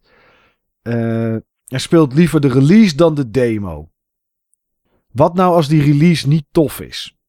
Ja, dat is story of my life gewoon. Dat, ik heb zoveel games die eh, niet zo tof zijn als dat je hoopt. Laat ik het zo stellen. Ja. Wat is de grootste, voor je gevoel, grootste miskoop ooit geweest? Hmm, ik denk eerlijk gezegd Mission Impossible voor de Nintendo 64. Oh, dat kan ik me wel voorstellen, ja. Die, Maar dat is wel lang geleden. ja, maar dat, je had... Kijk, Nintendo 64 kwamen heel weinig games vooruit in die tijd. En dan had je games die werden maanden gehyped in magazines. Mhm. En de- daar stonden screenshots op van hoe het werd gemaakt. En het leek een klein beetje op eh, GoldenEye, in, in ieder geval de graphics in die tijd. Alleen Ja. het zag er veel geavanceerder uit. Met veel meer detail, et cetera. Je had eh, zo'n missie in de Embassy, dat is een van de eerste missies. En daar werden vooral veel hele scherpe screenshots van getoond. Nou, ik dacht, dit wordt echt helemaal te gek. En Ja. ja, die missie, dat was eenmalig. Een missie waarin je, ehm, even vergeten hoe die games ook weer, zo Hitman-achtig zeg maar, moest spelen. Oh ja, ja, ja, ja. En de rest was ja, eigenlijk gewoon eh, door een hele dun bezaaide wereld ehm, naar de objective lopen, zeg maar. Er Ja. zat gewoon bijna niks in. Dus die viel me heel erg tegen. En wat ik zie Mark hier op, het, uh, op Discord zeggen uh, dat ik heel gericht koop. Nee, dat klopt. En eerlijk gezegd, Mark, het was een beetje overdreven natuurlijk. Want de meeste games die ik koop, of bijna allemaal, um, daar weet ik wel van dat ik het op zijn minst interessant vind om er een deel van te spelen of te proberen. Um, dus ik maak niet meer mee dat ik extreem hyped ben voor een game en dat dat dan tegenvalt. Maar dat, dat herken ik bijna niet. Hmm. Ja, ik heb dat toen gehad, met, dat heb ik in de podcast wel eens verteld, met uh, Deus Ex Mankind Divided. Dat was de tweede. Eerst was Human Revolution en daarna Mankind Divided. Of was het andersom? Uh, Human Revolution was eerst. Ja. En die vond ik natuurlijk die vond ik super geweldig. Wat een goede game was dat. En toen kwam Mankind Divided. En uh, toen zat ik te wachten tot mijn Steam unlocked was om uh, vrijdagmiddag om vijf uur. Was volgens mij ook nog eens in mijn vakantie. En na drie, vier uur spelen, ik vond het echt verschrikkelijk. Ik vond het echt verschrikkelijk. Maar ik heb hetzelfde gehad met Sekiro. Uh, dat, dat, dat, ik, ik wilde nog wel eens een keer naar terug om te proberen. Maar het is ook een game die ja, van From Software die me totaal niet klikt. Dat deflecten en zo, bijna ritme game. We hebben het wel regelmatig over gehad, over die titel. Die klikte gewoon niet. En ik wilde het zo graag, want die wereld en, en het is From en, en ja, die boss is gewoon cool en weet ik wat allemaal. En dat klikte ook gewoon niet. Dat is toch. Uh, ja, dat is, dan, dat is dan toch iets wat jammer is. En als ik kijk naar vroeger. Ja. Dat weet ik eigenlijk niet. Ik heb juist veel voorbeelden van vroeger, omdat ik toen heel weinig informatie had over games die ik wilde hebben. Dus ik noemde net Mission ja. Impossible. Maar ja, nu komt iets en zit Finger nog? Ja, die is er nog. De eerste keer dat ik um, Baldur's Gate 2 huurde van de bibliotheek, vond ik hem super tegenvallen. Maar dat kwam omdat ik een heel andere game had verwacht. Ik wilde eigenlijk een soort Diablo 2. En die zou je dan co-op kunnen spelen. Baldur's Gate die ondersteunde co-op. Nou, later, ja. zoals je weet, ik weet niet meer hoeveel jaar het geleden is, maar toen ben ik opnieuw Baldur's Gate gaan spelen en daarna Baldur's Gate 2 en toen vond ik het helemaal fantastisch. Dus um, dat is puur verwachtingsmanagement wat je dan hebt. Maar Baldur's Gate was dus toen een game. En eigenlijk wat recenter, Diablo 3, toen die uitkwam. Ik heb gewoon, uh, ik, ik heb hem op release gekocht. Ik had een error gewoon anderhalve dag lang. Ik kon totaal niet spelen. dat was echt, dat was verschrikkelijk. Die lounge was echt super slecht. Al die servers kapot gewoon. Ja. Ja. Ja, dat was, uh, ja, dat was niet best. Maar toch had ik het bij Diablo 3 dan minder, omdat ik het eigenlijk ook wel verwachtte dat dat ging gebeuren. Hmm. Elke game die uitkomt op die manier, die, die, ja, dat weet je gewoon. Weet je, er zijn servers voor nodig. En je weet gewoon, iedereen gaat het proberen. Dus dat gaat gewoon stuk. Daar moet je eigenlijk gewoon twee dagen mee wachten. Dan, ja, dan heb je dat. Ik zie Sven, die zegt Skyward Sword op de Wii. Dat was voor mij onspeelbaar. heb ik precies hetzelfde. Vond ik ook niet best. En Ghoul had het met Ultima, moet ik even vertellen, 8. Ja. Ja. Ja, ik denk dat we allemaal dat soort titels wel eens gehad hebben in ons leven. Die je gekocht hebt. En uh, ja, die gewoon heel erg tegenvallen. Maar ja, dat doe je voor de rest niet. Bayou Billy voor de NES. Verschrikkelijk. Oh, dat Wat is ook een kak. de beste game. Ja, dat is het zeker. Dat is zeker een slechte game. Denk je, dit is een soort, uh, soort, soort Double Dragon of zo? En dan loop je rivier in en dan ga je scherm 1 al af. Nou ja, zo'n spel is het. Ja, ja, ja. Ja, vroeger kocht ik natuurlijk veel minder. Dat weten we allemaal wel uit, uh, uit aflevering games huren en lenen. Uh, als mensen die gehoord hebben.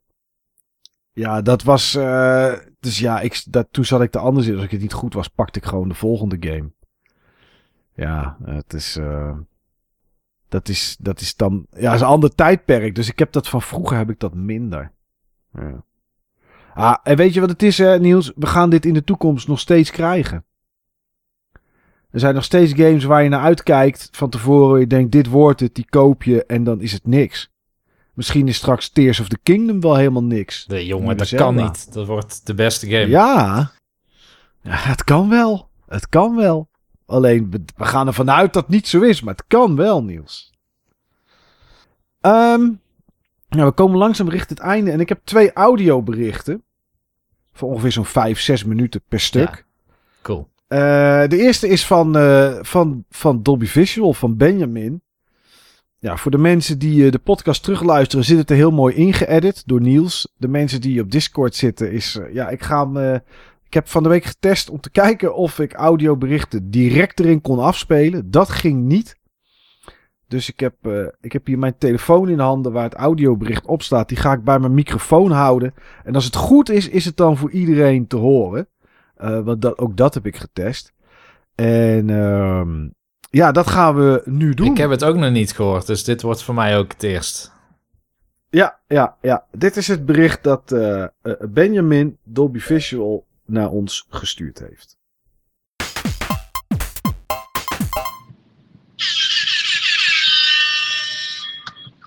Woep woep.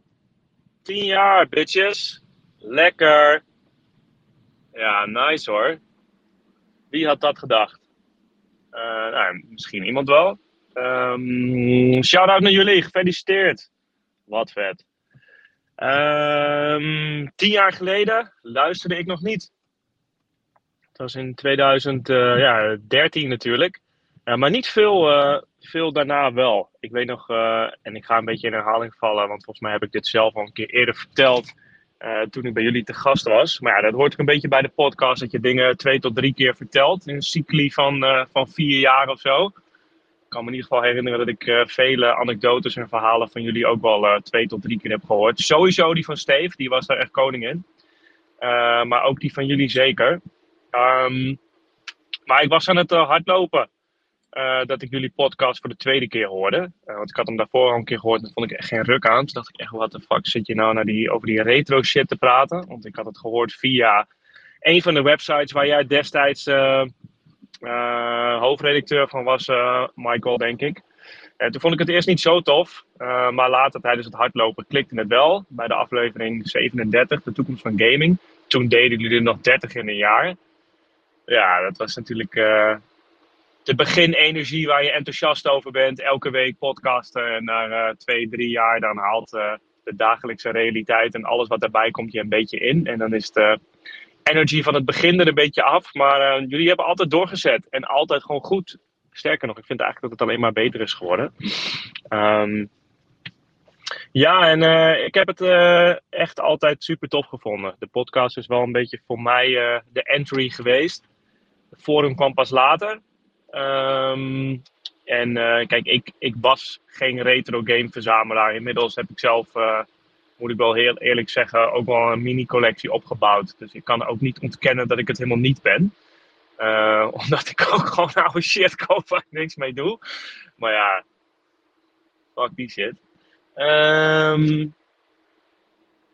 ja, maar dus begonnen echt wel met de podcast, sowieso. En periodes gehad waarbij ik de hele backlog eh, flink heb teruggeluisterd. Inmiddels moet ik zeggen dat ik niet echt meer heel veel van die hele oude terugluister, omdat ik ze gewoon echt al te vaak gehoord heb. Ehm, maar eh, altijd met liefde nog steeds eh, de nieuwe opzetten.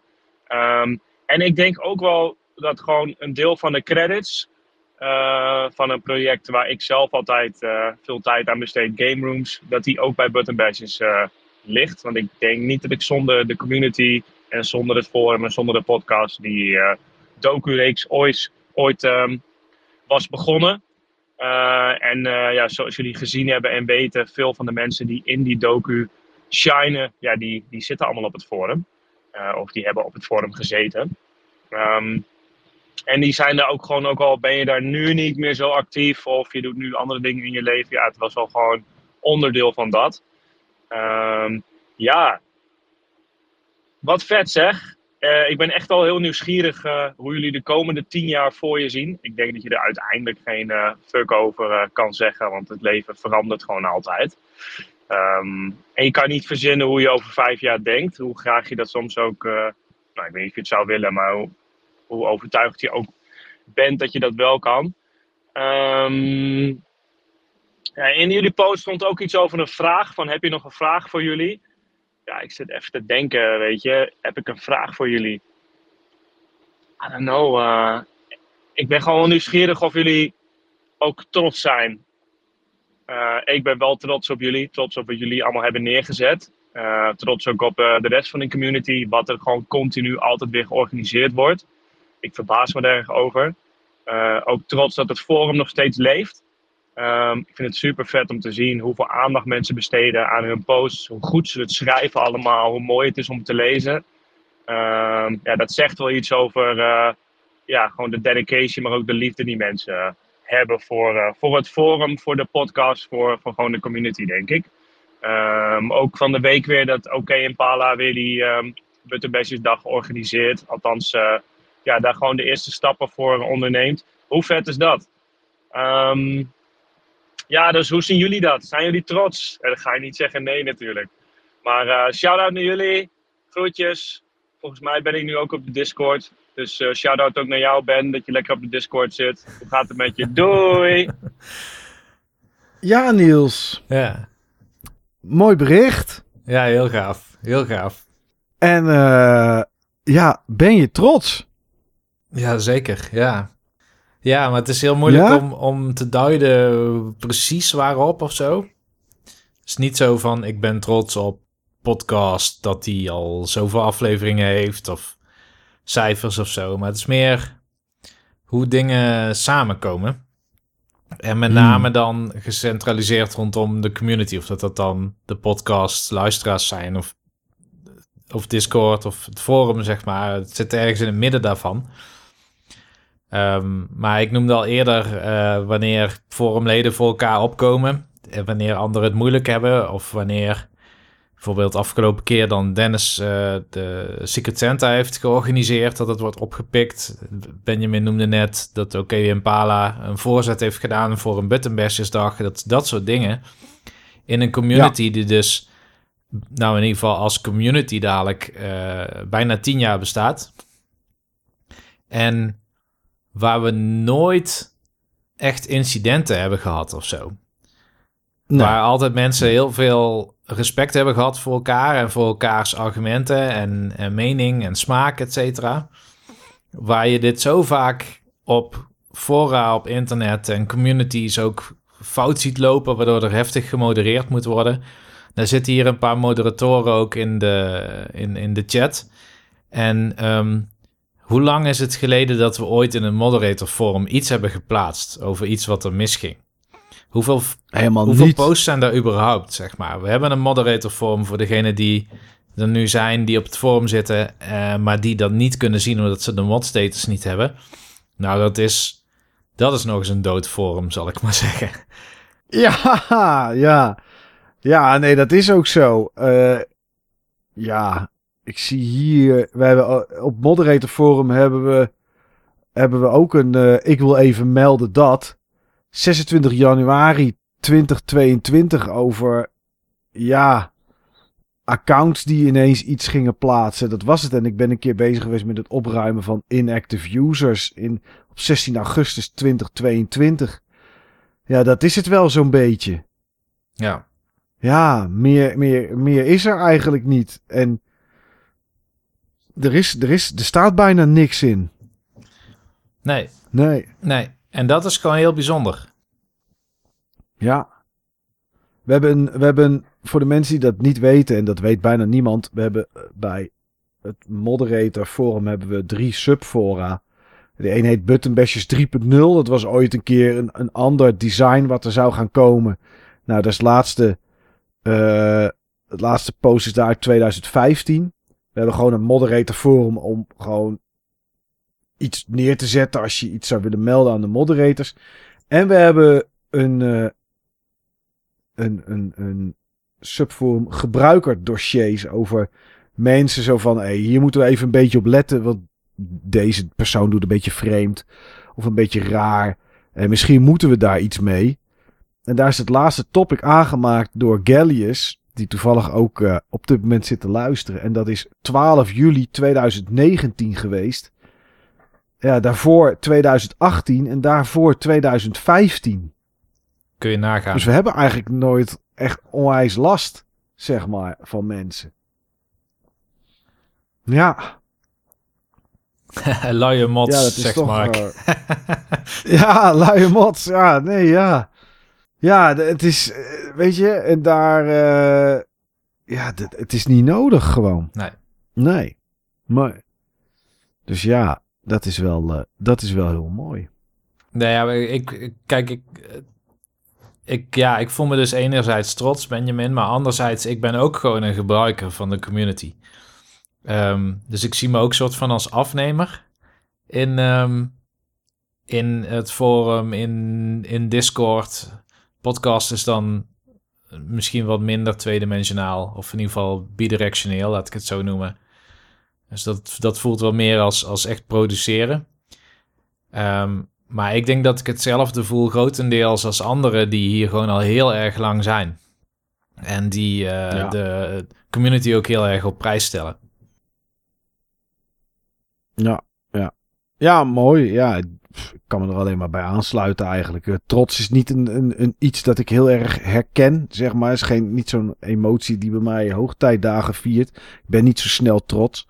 En zeker niet als iets uh, vaker lukt zeg maar. Zoals een podcast maken, waar dit nummer 108 van is. En, uh, en dat soort dingen allemaal. Dus ja, weet je, daar valt trots niet zo heel meer bij. Maar ik ben wel, als ik naar de, ja, naar de, naar de podcast kijk en naar het forum, ben ik wel tevreden, zeg maar. Dat is dan meer wat ik heb. weet je, ik kijk er met een warm gevoel naar. Wat dan niet trots is, maar wel dat ik ja, dat ik blij ben dat het nog steeds bestaat en dat we het nog steeds mogen doen. En uh, ja, dat we het mogen doen en er mensen naartoe komen. En uh, ja, dat die, dat die naar de podcast luisteren, weet je, daar ben ik wel dankbaar voor. Ja.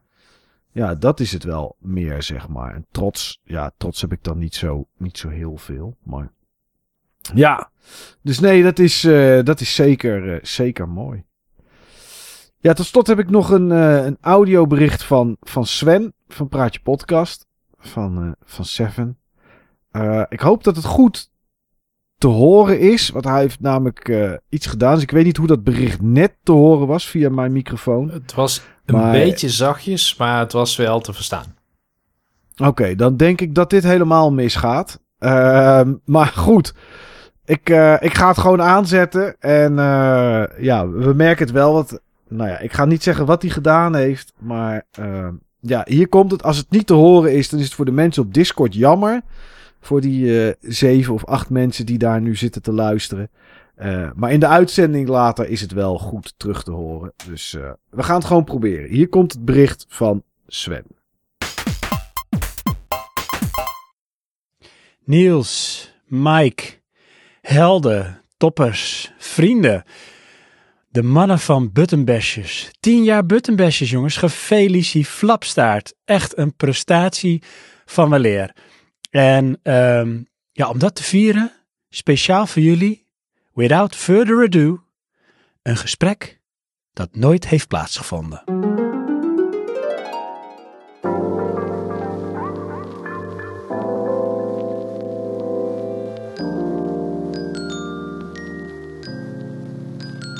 Ja, tien jaar buttonbashers, dat is natuurlijk fantastisch. En uh, wat is een betere manier om dat te vieren dan het aan de mannen zelf te vragen? En dat ga ik op een hele bijzondere manier doen. Het is een soort met multiverse-achtig iets. Ik ga ze namelijk bellen, maar soort van in het verleden. En toch ook niet. Dus ik pak mijn speciale telefoon uh, die heb ik uh, geleend van professor uh, Barabas. En dan ga ik de mannen bellen en dan kijken of het lukt om toch op een bijzondere manier een gesprek en een shootout met ze te doen.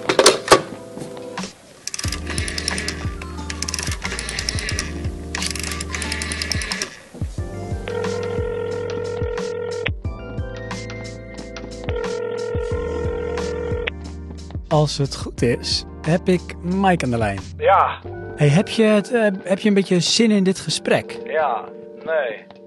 Oké, nou ja, bereid je maar voor, want jij en Niels, jullie gaan straks een eh, shootout doen. Oh, dat klinkt me heel bekend in de oren. Ja, toch? Eh, nou, is goed. Hey, en daarnaast is ook, als het goed is, Niels aan de lijn. Toch, Niels? Ja, dat klopt. Zelfs vrijgenomen. Hé, hey, kijk eens aan zeg. Niels, hoe is het? Nou, net een dropje in mijn mond gestopt. Dit lijkt een beetje van een ander soort podcast. eh, te- dat is niet de bedoeling. Nou, dat maakt niet uit, hè. Dit is Praatje Podcast, jongens. Kun je gewoon zeggen wat je denkt, wat je wil, wat je vindt. Ehm, soort van, hè, want eigenlijk is het natuurlijk Tia Buttenbestjes. Het is jullie podcast. hey, maar zijn er nog vooraf dingen die jullie willen zeggen? Nee. Ja, ik had net een dropje in mijn mond gestopt, want ik dacht, jij begint met de intro. Voel je je wel bitter? Ja, we moeten gewoon maar lekker gaan kletsen, toch? Dan zien we wel Ja. waar we komen. Oké, nou, we gaan een shootout doen. Eh, dat kennen jullie wel. Eh, ik ga jullie om de beurt een vraag stellen. Dus een vraag voor jou, Niels. Een vraag voor jou, Mike. Ehm, en dan probeer gewoon zo snel mogelijk en enthousiast te reageren. En dan gaan we gewoon eens kijken wat, eh, wat het antwoord is. Oké, de eerste vraag is voor jou, Mike. Ehm, hoe zou jouw ideale game character zich gedragen? Oh man. Met grote pupillen en heel verbaasd. En die zegt dan heel stoïcijns. Oh, Oh, wauw. Origineel, man. Het is jammer dat Johan er niet is. Ik kon niet daar altijd zo lekker op reageren. Maar goed. Eh, Niels, voor jou. Ik heb eh, begrepen eh, dat mm, jij hebt eh, geïnvesteerd in eh, Mike zover te krijgen dat hij koffie gaat drinken. Vertel. Ja, nou ja, kijk, in mijn hoofd klonk het als een goed idee. Dus ik sloot me aan bij de gedachte dat als je je geld alvast ergens instopte, kon je het niet kwijtraken. Ja, ja, het is kans stuk om die man eh, koffie te krijgen. Ehm, de volgende, voor jou Mike. Kerk. Oh, mooi dat je het woord kerk noemt. Want bij een kerk hoort een god. Oké, en ehm, nou, leg eens uit. Wie is voor jou dan God? Daar ga ik eerst iets, eerst iets kleins even over vertellen. Omdat er iets in zit wat ik heel erg gaaf vind. Oké, en ehm, wat voor kleins zit er dan in God volgens jou? Wat een stom. Nou, oké jongens, hij gaat lekker. Hou het tempo er goed in. Eh, de volgende vraag mogen jullie beide antwoorden als jullie willen. Eh, en dat is, roept deze shootout eh, irritatie bij jou op? Ja, bij mij wel. Weet ik niet bij mij. Nou, dat is in ieder geval wel eerlijk eh, beantwoord, jongens. Maar hou vol, hè. we zijn er bijna. Dat zeg ik ook tegen Johan. De volgende, Niels, voor jou. Ehm, als ik naar een onbewoond eiland ga, dan neem ik Mike mee. En En een wie, maar verder niks. Dat is misschien wel goed ook. ja, en zo is dat, Mike. Hey, en dan voor jou, Mike, en dan zijn we er echt bijna. Ehm, wat doe jij als je het echt niet meer ziet zitten? Nou, dan ga ik gewoon de stal in, en wat dan ook een in is. En dan zeg ik, eh, doe maar slapen tot morgenochtend. Oh, wauw, wat een eh, mooi en eerlijk antwoord, Mike. En Niels, herken jij je daarin? Zeker. Oké, wauw, mooi. Oké jongens, de laatste vraag voordat ik jullie een cadeautje ga geven. Ehm, daar sta je dan voor de hemelpoort en je mag één ding aan God vragen. Wat zou het zijn? Ik heb eigenlijk geen flauw idee. Oké, en jij Niels? Heb jij ooit met een interieurontwerper gewerkt? Eh, ik heb nog één vraag voor, eh, voor jou Niels. Ehm, nou, eigenlijk is het niet een vraag, het is meer een soort cadeautje voor jou Niels, maar ook voor jou Mike. Ehm, want jullie hebben natuurlijk nu tien jaar Buttonbashers podcast. En dat is natuurlijk fantastisch, of tien jaar Buttonbashers. En ik dacht, eh, om de zoveel tijd hebben jullie wel eens een nieuwe intro-leader, een nieuw liedje. Ehm, ik ga voor jullie gewoon hier ter plekke een nieuw liedje maken. En ik heb daarbij ook eh Steve heb ik uitgenodigd om eh, ook zijn mening te geven. Eh, dus ik ben benieuwd, eh, Steve, wat jij en ook wat jullie jongens van dit introliedje vinden. Ik heb er heel lang op eh, gewerkt, mijn best op gedaan. Komt-ie.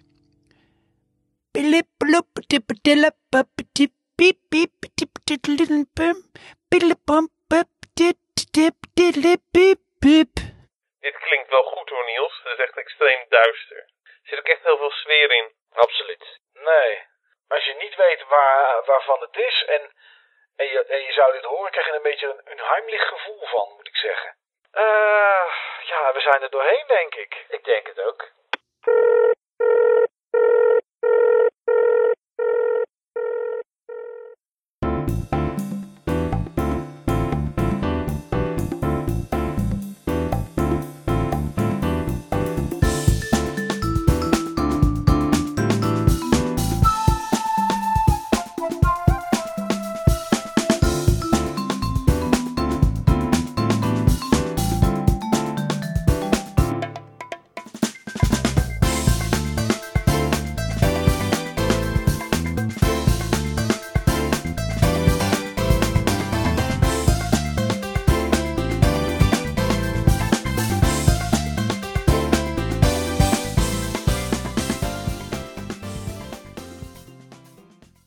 Goed, dus op dit moment aan het, eh, aan het einde van deze live uitzending eh, spant het voor de mensen die aan het luisteren zijn.